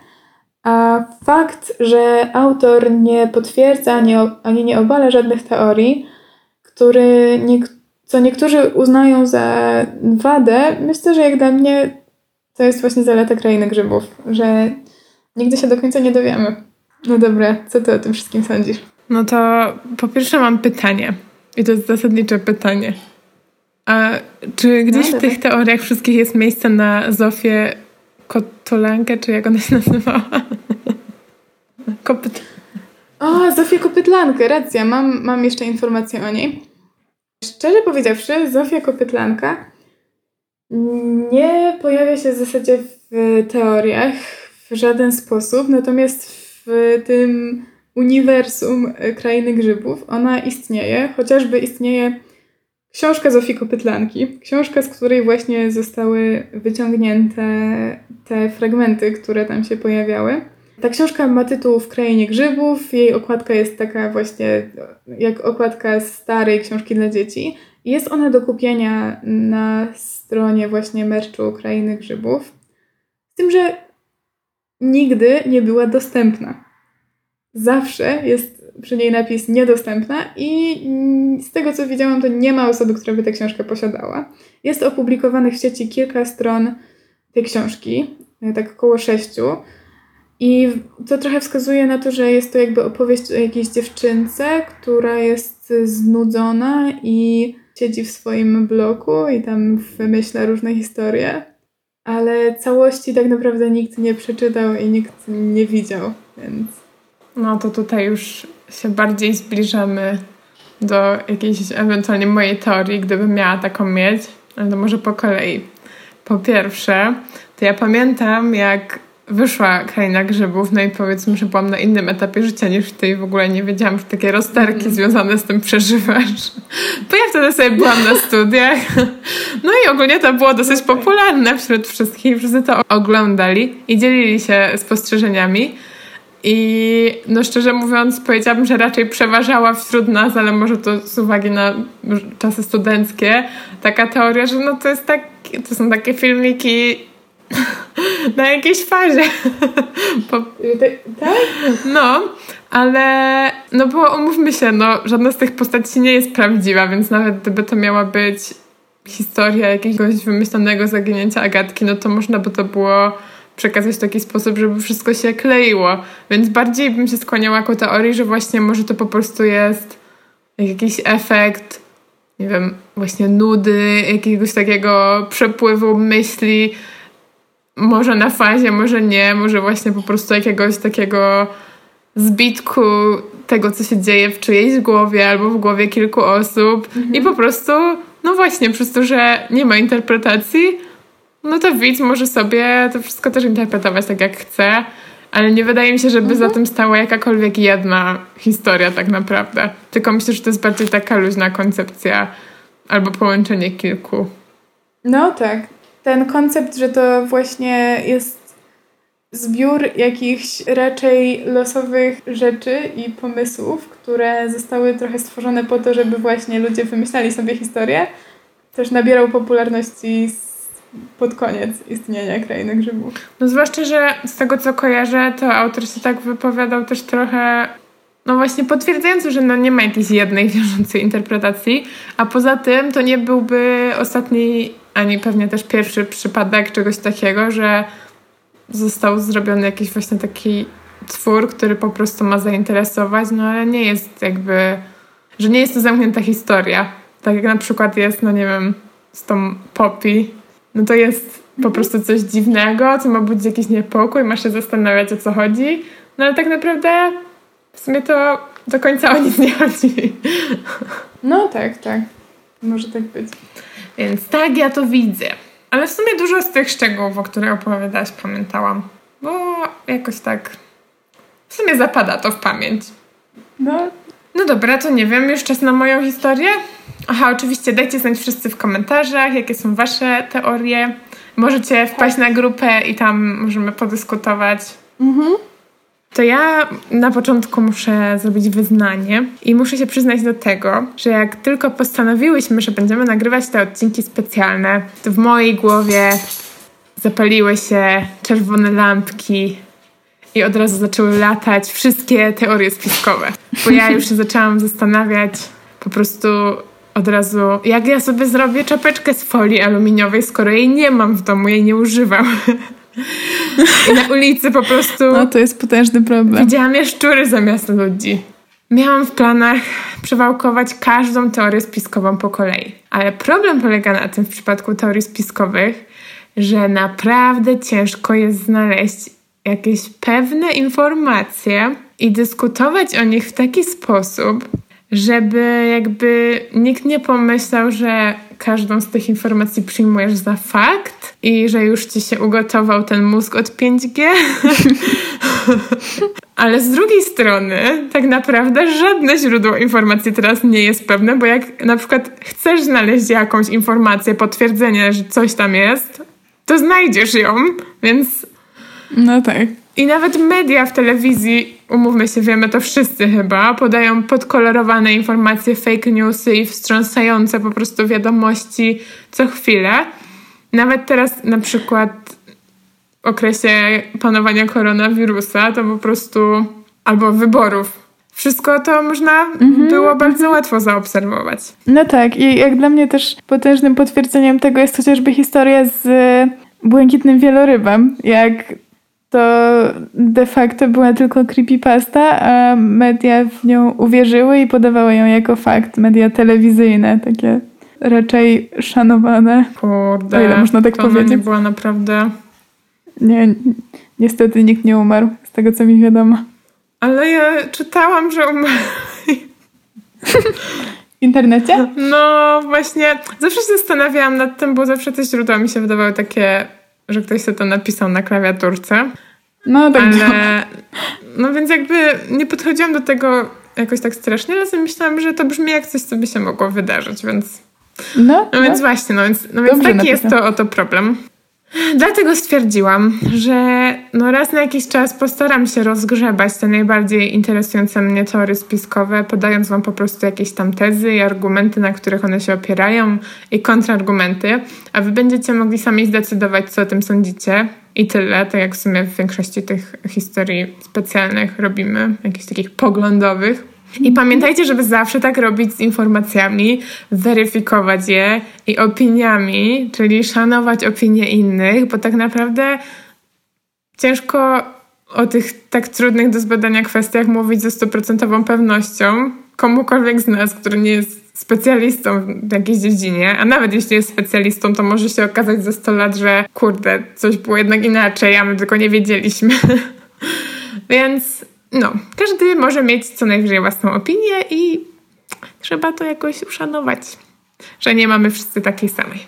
No dobra, ale właśnie, żeby nie zacząć z najwyższej półki i nie zagrzebać się w jakieś miliony źródeł, to zwłaszcza, że wiedziałam, że masz długą historię, to ja postawiłam na temat, który wiąże się z teoriami spiskowymi, ale w zasadzie opiera się na interpretacji pewnych symboli i to gdzieś w sumie leży też blisko mojego pola zainteresowań językowych, a przy okazji zawsze mnie ciekawił ten temat, bo mowa o czymś, co jakby jest w przestrzeni publicznej i dlatego wydaje się, że no w sumie to, no to jest, skoro jest jakby out, czyli że jakby wszyscy to widzą, no to raczej nie powinno być jakieś crazy. Ale ciężko nie przyznać, że tam jakby jest dużo dziwnych rzeczy, no i tak nie wiadomo o co chodzi. Otóż opowiem Wam o najbardziej tajemniczym lotnisku na świecie, czyli o Denver International Airport. A tak naprawdę to pewnie bardziej tajemnicze są jakieś prywatne lotniska na prywatnych wysepkach największych bogaczy tego świata. I to, co się na tych wysepkach wyczynia, jest na pewno super tajemnicze i w ogóle to, to jest to, co byśmy chcieli wiedzieć. No ale chodzi o najbardziej tajemnicze, ogólnodostępne lotnisko na świecie. I równocześnie jest to największy, najbardziej ruchliwy port lotniczy w Stanach Zjednoczonych, który nie obsługuje bezpośrednich lotów do Azji. W sensie, że największy z tych, które nie obsługują lotów do Azji. Lotnisko zostało także wybrane najlepszym lotniskiem w Ameryce Północnej przez czytelników Business Traveler Magazine 5 lat z rzędu w latach 2005 i do 2009. I zostało też uznane America's Best Run Airport przez magazyn Time w 2002 roku. Czyli jakby no nie może być takie złe. Mm, dwóch głównych przewoźników, którzy korzystają z tego lotniska to tanie linie Frontier Airlines i obsługujący podróże międzystanowe Great Lakes Airlines. Lotnisko jest oddalone od Denver o 40 km, czyli aż 31 km więcej niż drugi port lotniczy obsługujący to miasto, który istniał już wcześniej, Stapleton International Airport. No i tu pojawiają się pierwsze dwa powody, które od początku budziły jakieś wątpliwości, przynajmniej jeśli chodzi o potrzebę otwierania tego lotniska. Bo po pierwsze, Denver już miało dedykowane lotnisko, czyli właśnie to Stapleton, a po drugie, to nowe lotnisko miało być położone o wiele mniej centralnie niż to w Stapleton. Przez to miłośnicy teorii spiskowych i tajemnic zaczęli węszyć jakiś podstęp wokół budowy tego DIA. DIA to jest właśnie skrót od tego Denver International Airport. Oprócz tych argumentów, które zaraz omówię, ci spiskowcy wskazują, że no jaki byłby cel otwierania lotniska tak daleko, gdyby nie jakaś przykrywka dla tajniackich machlojek. Zwłaszcza, że to po prostu no, puste, jakby pustynna przestrzeń prawie, że takie stepy a tam nagle budujemy lotnisko. No tylko, że nie wiem jak to wygląda z innymi lotniskami w Stanach, ale u nas w Polsce, czy ogólnie w Europie, to 40 km od miasta w sumie nie budzi jakiegoś wielkiego zdziwienia, jeśli chodzi mm -hmm. o mhm. lokalizację lotniska. Właśnie taka jest raczej norma, zwłaszcza dla lotnisk, z których korzystają tanie linie. Są to lotniska z reguły położone pod miastem, a nie w samym centrum. I uzasadniają to zarówno względy ekonomiczne, architektoniczne, jak i w ogóle względy bezpieczeństwa. Chociaż te względy ekonomiczne akurat w tym przypadku nie do końca zadziałały, bo koszty realizacji lotniska w Denver zamiast planowanych 2-3 miliardów dolarów wyniosły blisko 5 miliardów dolarów. No i oczywiście to dolewa oliwy do ognia spekulacji, chociaż ja już mam wrażenie, że przy takich dużych inwestycjach, przynajmniej na przykład w naszym kraju, to jest norma, że budżet jest prawie mm -hmm. dwukrotnie przekroczony. I może to co najwyżej świadczyć o jakichś machlojkach finansowych, a niekoniecznie takich, o których zaraz usłyszycie. Ale wracając do odległego położenia lotniska, pozwala ono uniknąć skutków oddziaływania hałasu na obszary miejskie, a także umożliwić w przyszłości w razie potrzeby rozbudowę lotniska. no i pomieścić już i tak rozbudowany układ pasów. No i właśnie ten układ pasów to kolejny powód, dla którego lotniskiem interesują się miłośnicy teorii spiskowych. I pierwszy jakby taki już kojarzony stricte z teoriami spiskowymi, a nie, że a po co tu w ogóle takie lotnisko, hej. Otóż pasy startowe lotniska ułożone są nie jak to z reguły bywa równolegle, na planie prostokąta, jak na przykład w Balicach czy Pyżowicach, że jest tam no, kilka tych pasów, dwa albo więcej, w zależności od wielkości lotniska. No i po prostu one są takie długie, równolegle ułożone. Zamiast tego pasy lotniska w Denver umieszczone są w taki sposób, że z góry lądujący pasażerowie mogą sobie oglądać piękną swastykę. No i wiadomo, skoro swastyka, to znaczy, że obiekt musi mieć coś wspólnego z nazistami i samymi strasznościami. Tylko, że właśnie jednym z powodów, dla którego to stare lotnisko w Stapleton było niewystarczające dla obsługi miasta, był taki, że pasy startowe były rozmieszczone zbyt blisko siebie, przez co większe samoloty nie mogły lądować i startować równocześnie, co z kolei ogranicza ruch na lotnisku. No i zamiast pożądanych 80 przylotów na godzinę, Stapleton obsługiwało tylko 36 takich przylotów na godzinę. No i chociaż faktycznie kształt swastyki powszechnie budzi raczej negatywne skojarzenia, to gdyby tak sięgnąć trochę dalej wstecz w historię, no to ona po prostu kojarzy się źle, bo została zaadaptowana przez hitlerowców. A oryginalnie był to symbol szczęścia i pomyślności pochodzący z sanskrytu mm. i w Azji na przykład do dziś jest powszechnie używany właśnie w tym znaczeniu. No więc moim zdaniem ten kształt no to raczej co najwyżej nierozważony pod tym kątem element planowania przestrzennego niż jakiś celowy symbol, no bo gdyby miało się tam dziać coś tajniackiego, to czy naprawdę aż tak powszechnie musieliby to oznajmiać, żeby z kosmosu można było. A w ogóle to swastykę. No. Żeby z, z góry wszyscy niech wiedzą, że tutaj tak. się dzieją podejrzane rzeczy. Tak. Z drugiej strony, ponieważ ta swastyka nie jest jedynym, a jednym z wielu symboli, które właśnie otaczają tych pasażerów podróżujących do lub z Denver no to w całym tym kontekście faktycznie no, wygląda ona trochę dziwnie, jakby się tak zastanowić. No bo kolejnym takim symbolem jest tak zwany kamień masoński. Tak, tak, masoński. Jesteśmy już, już tu na tym etapie historii. To ładnie. I ten kamień masoński znajduje się w Great Hall lotniska, czyli takiej jakby hali głównej. Great Hall to także nazwa masońskiej sali spotkań. Takim jakby mini pomniku, znajdują się symbole masońskie: cyrkiel i węgielnica z literą G w środku. I to są właśnie jedne z najczęściej spotykanych symboli masonerii, ponieważ są to narzędzia budowniczych i twórców symbolizujące m.in. Boga jako architekta wszechświata. Cyrkiel reprezentuje sferę duchowości, jakby takie siły Boga i człowieka i określa zasady i ograniczenia, tak jakby tworzy zasady, czy tam symbolizuje granice nieskończoności. Natomiast węgielnica jest symbolem ziemi i sfery materialnej i symbolizuje sprawiedliwość oraz równowagę. Razem te symbole reprezentują połączenie materii i ducha, a także połączenie obowiązków ziemskich i duchowych, czyli taka unia ziemi i nieba albo materii i umysłu czy tam duszy. No i ten kamień na lotnisku w Denver w kształcie takiej jakby dźwigni kryje w sobie, i to jest super, kapsułę czasu, której koncepcję możecie kojarzyć z różnych filmów amerykańskich. Kojarzysz? Mhm, ja zawsze jak byłam dzieciakiem, to chciałam, żeby u nas tak. ktoś robił takie kapsuły. Ej, szczerze wydaje mi się, że kiedyś stwierdziłam, że zrobię to na własną rękę i zakopałam jakieś pudełko w ogródku. Tylko nie mam tego pojęcia. Jeżeli to zrobiłam, to nie wiem gdzie. Ale może super. To, może to być tylko taka mrzonka, ale jeżeli to zrobiłam ale kiedyś, Teraz jak o tym mówisz, to mi się wydaje, że ja też coś takiego kiedyś zrobiłam. Prawda? Więc może Ile po prostu każdy chciał to zrobić i w snach tak, po tak, prostu tak. Czy, to czy, czy tak bardzo chcieliśmy, że... No, ja, ja chyba się nigdy nie dowiem, czy, czy tylko chciałam, czy, czy to pudełko gdzieś tam jest. Ale może ktoś się dowie. Mm.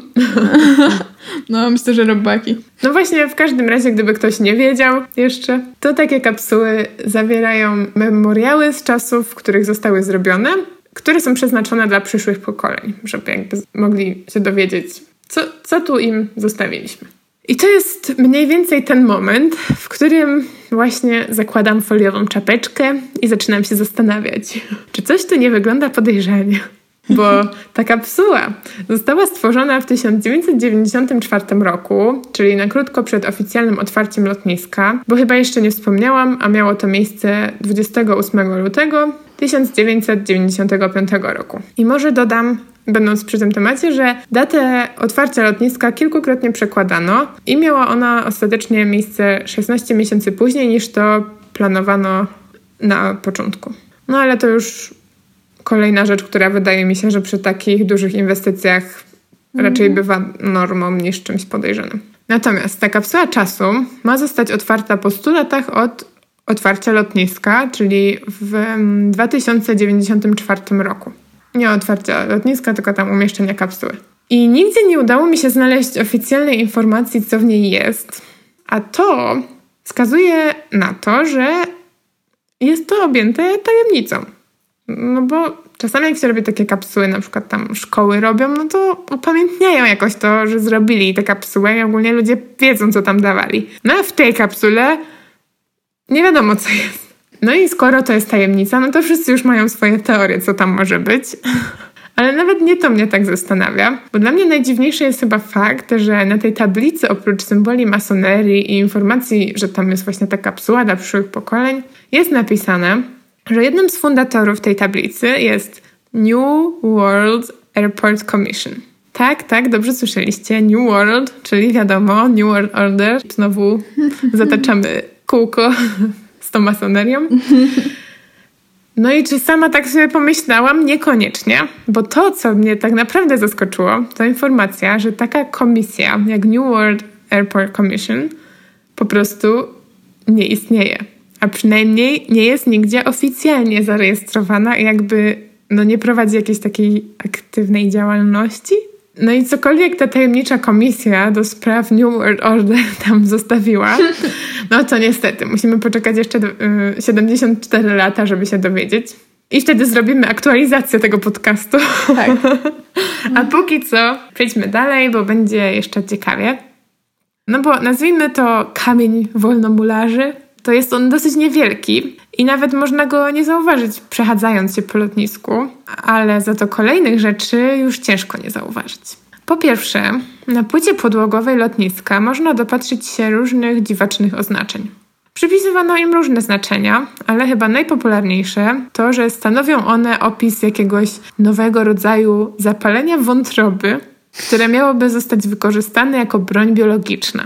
No i w domyśle pewnie do jakiejś zagłady albo depopulacji. W rzeczywistości te symbole w znacznej mierze pochodzą z języka Navajo, jako forma oddania hołdu tym rdzennym Indianom pochodzącym z tych ziem zostały tam użyte. E, lub są to po prostu oznaczenia z układu okresowego pierwiastków. No i tutaj już za bardzo nie wiem, po co zostały użyte w budowie lotniska, no ale ogólnie ktoś, kto planował wystrój tego lotniska, miał po prostu albo niezłą zabawę, albo chciał właśnie, żeby ludzie się zastanawiali tak jak twórcy Krainy Grzybów, tak. albo po prostu działał pod wpływem jakichś substancji. A zaraz dalsze dowody. No ale wracając do tych podłóg, najciekawszym chyba zestawieniem, moim zdaniem, są rozciągające się po tym haniebnym Great Hallu okrągłe i trójkątne kształty, układające się trochę tak jakby układ jakichś planet. I wśród nich znajdują się także czarne koła, w tym takie jedno, które wygląda trochę jak taka czarna planetka wokół innych planet. I niektórzy odczytują, że jest to czarne słońce, tak zwane Sol Niger, które jest symbolem alchemicznym i któremu aktualnie przypisuje się znaczenia powiązane właśnie z nazizmem i kultami szatana albo świątyni Seta. Natomiast kolejnym widocznym znakiem zapytania są malunki na ścianach lotniska i dziwaczne rzeźby, a konkretnie gargulcy z rogami. Co do tych dziwnych stworzonek, to ich znaczenie w kulturze nie jest jednoznaczne i w sumie tak nie do końca wiadomo skąd się pojawiły, no ale chyba możemy stwierdzić, że pojawiają się w niej od dosyć dawna i dosyć często, choćby na przykład w katedrze Notre Dame, więc ich obecność na lotnisku może trochę zaskakiwać, ale nie od razu bić na alarm. Ciekawsze są moim zdaniem te obrazki.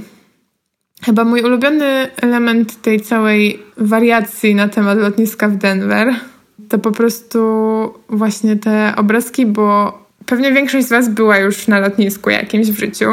No i tam poza ewentualnie jakąś wymyślną architekturą, na większości z lotnisk raczej nie ma jakichś dzieł sztuki, a podstawową formą ozdoby są banery reklamowe albo plakaty, ale w sumie z czasem coraz popularniejsze stało się używanie na przykład właśnie jakichś ogromnych rzeźb jako znaków rozpoznawczych lotnisk. I na przykład ma to miejsce chociażby na lotnisku w Doha, gdzie są takie wielkie rzeźby zabawek, w tym taki ogromny miś z lampą, tak jakby, że ta lampa nachodzi na tego misia. No i tam wszyscy sobie robią zdjęcia. No i w sumie może kogoś zastanawiać, co to tutaj robi i na co to komu, ale no ale faktycznie to później zapada w pamięci i kojarzy się z tym miejscem i ludzie się tam fotografują, więc może to jakoś um, ma popularyzować te lotniska. No i być może właśnie to przyświecało pomysłodawcom galerii obrazów w Denver Airport. W każdym razie na pewno element szoku się im udało osiągnąć, bo te obrazy przedstawiają dosyć nietypowe scenki. I raczej nie takie właśnie, niekoniecznie takie relaksacyjne, jakbyśmy to chyba oczekiwali po lotnisku. I koniecznie sprawdźcie je w internecie albo wejdźcie na naszego Instagrama Czarna Polewka Podcast, żeby je obczaić, bo warto. Mamy tu na przykład obraz dziwnego UFO człowieczka z symbolami Majów siejącego życie, a nad nim dwie UFO twarzyczki, czyli UFO w lotnisku w Denver też maczało palce. Jest też dziwaczny obraz zatytułowany Peace and Harmony with Nature, czyli pokój i harmonia z naturą. I wierzcie mi, nie wygląda jak cokolwiek, co sobie wyobrażacie po tym tytule. Są na nim zasmucone dzieci różnych ras z wymarłymi lub wymierającymi gatunkami zwierząt i roślin. W tle płonący las. Jedno z dzieci trzyma w rękach tablicę symbolizującą według Majów koniec cywilizacji. No i może jeszcze to nie byłoby wszystko takie dziwne, bo może to jakiś głos rozpaczy, żeby ludzie się opamiętali, szanowali ziemię. No i w sumie byłoby to słuszne przesłanie. Tyle, że w dolnej części obrazu widać otwarte trumny z dziewczynkami i kobietą.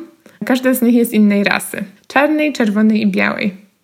No i czy umieszczenie ich wśród tych wymarłych gatunków zwierząt i roślin oznacza, że te rasy lub kobiety są w jakimś stopniu zagrożone.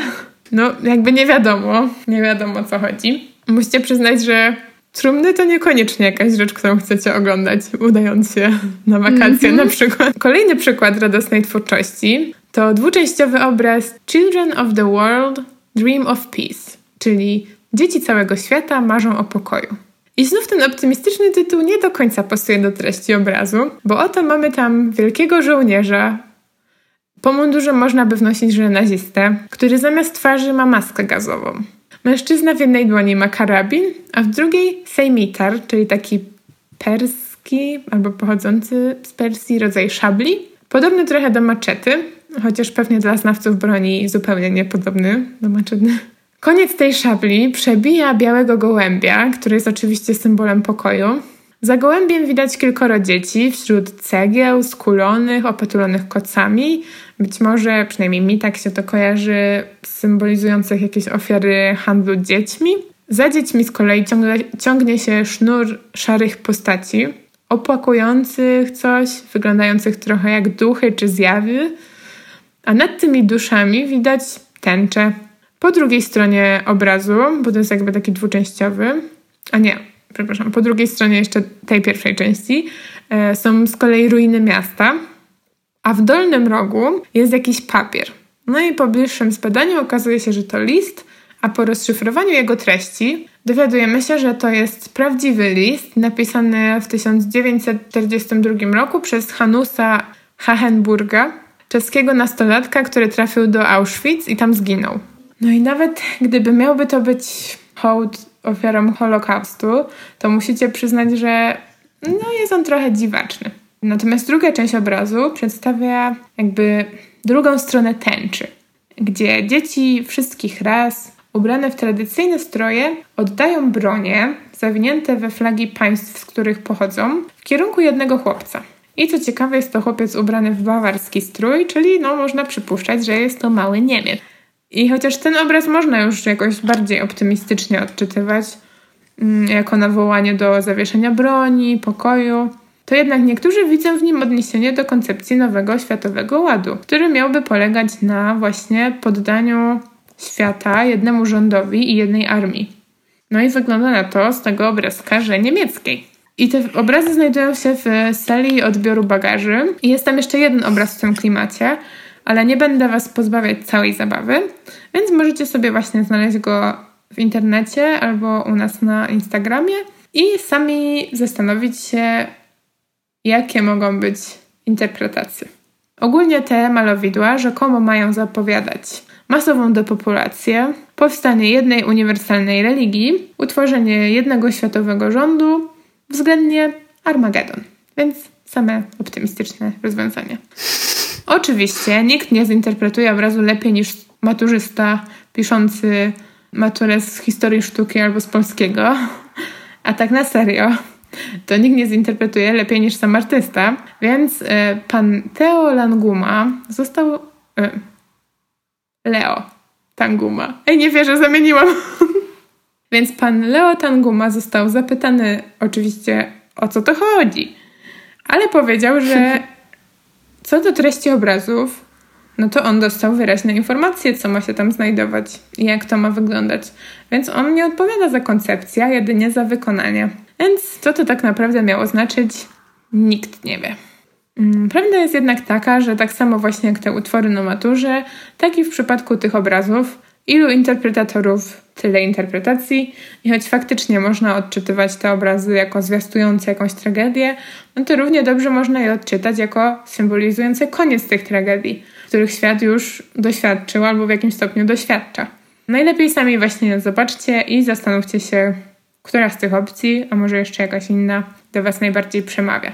Podobno tych dziwnych obrazów i rzeźb było jeszcze więcej, ale część z nich została usunięta, ponieważ wielu pasażerów czuło się na terenie lotniska zbyt nieswojo i budziły one lęk w tym i tak już stresującym momencie, jakim dla wielu jest podróżowanie.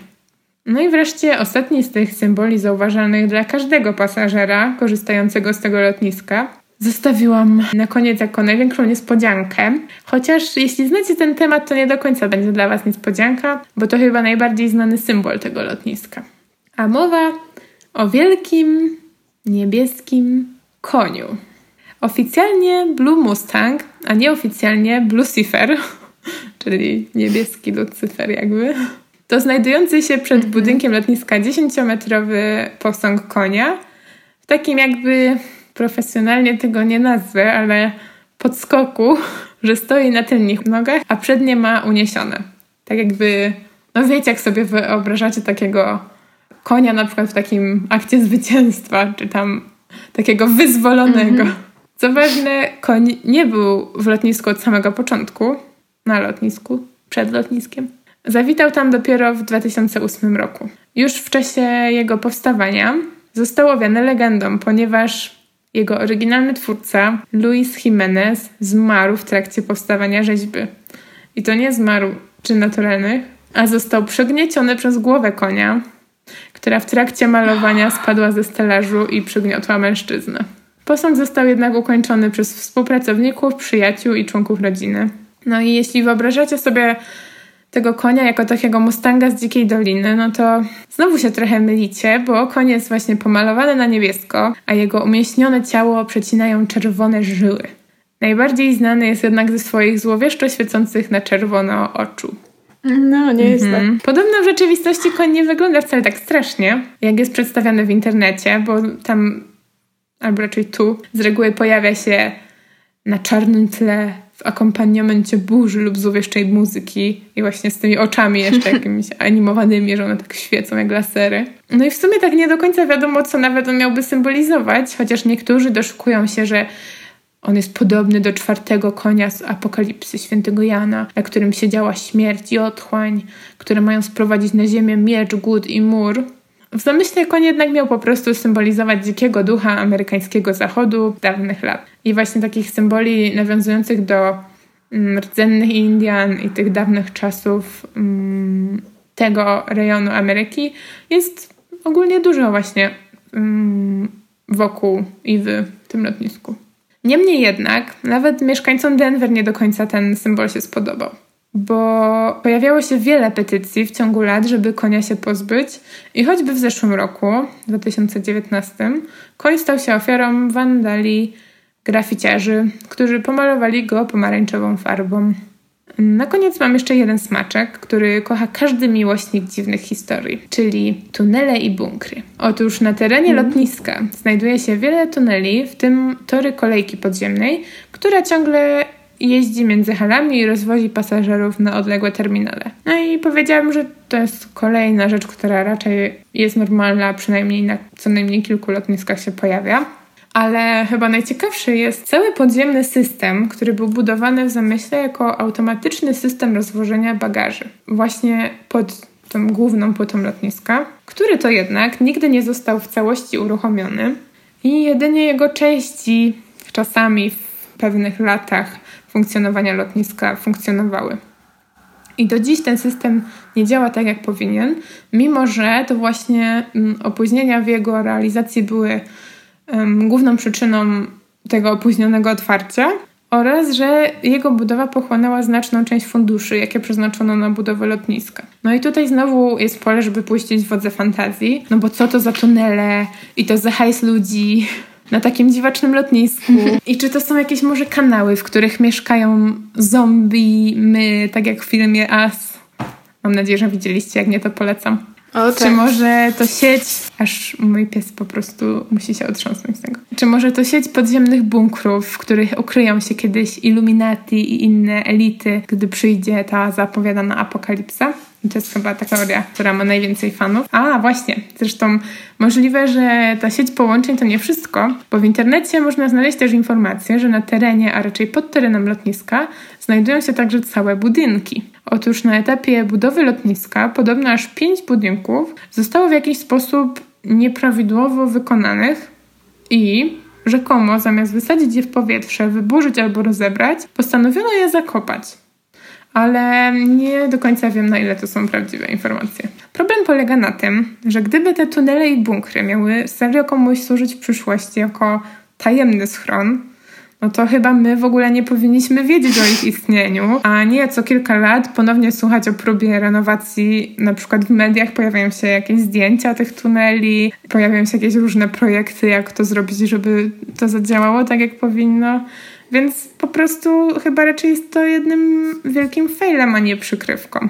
I to już chyba wszystkie, a przynajmniej najważniejsze dziwaczne teorie i fakty dotyczące tajemniczego lotniska w Denver. A teraz gwoli krótkiego podsumowania. Chciałam powiedzieć, że chociaż dużo się mówi o tych właśnie dziwnych symbolach i tajemnicach, to tak naprawdę nie znalazłam żadnej do końca spójnej teorii, co miałoby to wszystko oznaczać i jaka miałaby być prawdziwa rola tego lotniska. Dwie najbardziej znane, które już w sumie mogliście wywnioskować, to, że lotnisko ma być żywym symbolem nadchodzącej apokalipsy lub, że jest ono bunkrem albo dla nazistów, albo dla jakichś um, tam bogaczy tego świata. I żadna z nich nie wydaje mi się być do końca spójna i łączyć wszystkie te wskazówki, tylko każda z nich wybiera jakby to, co jej pasuje i tak trochę naciąga fakty. -hmm.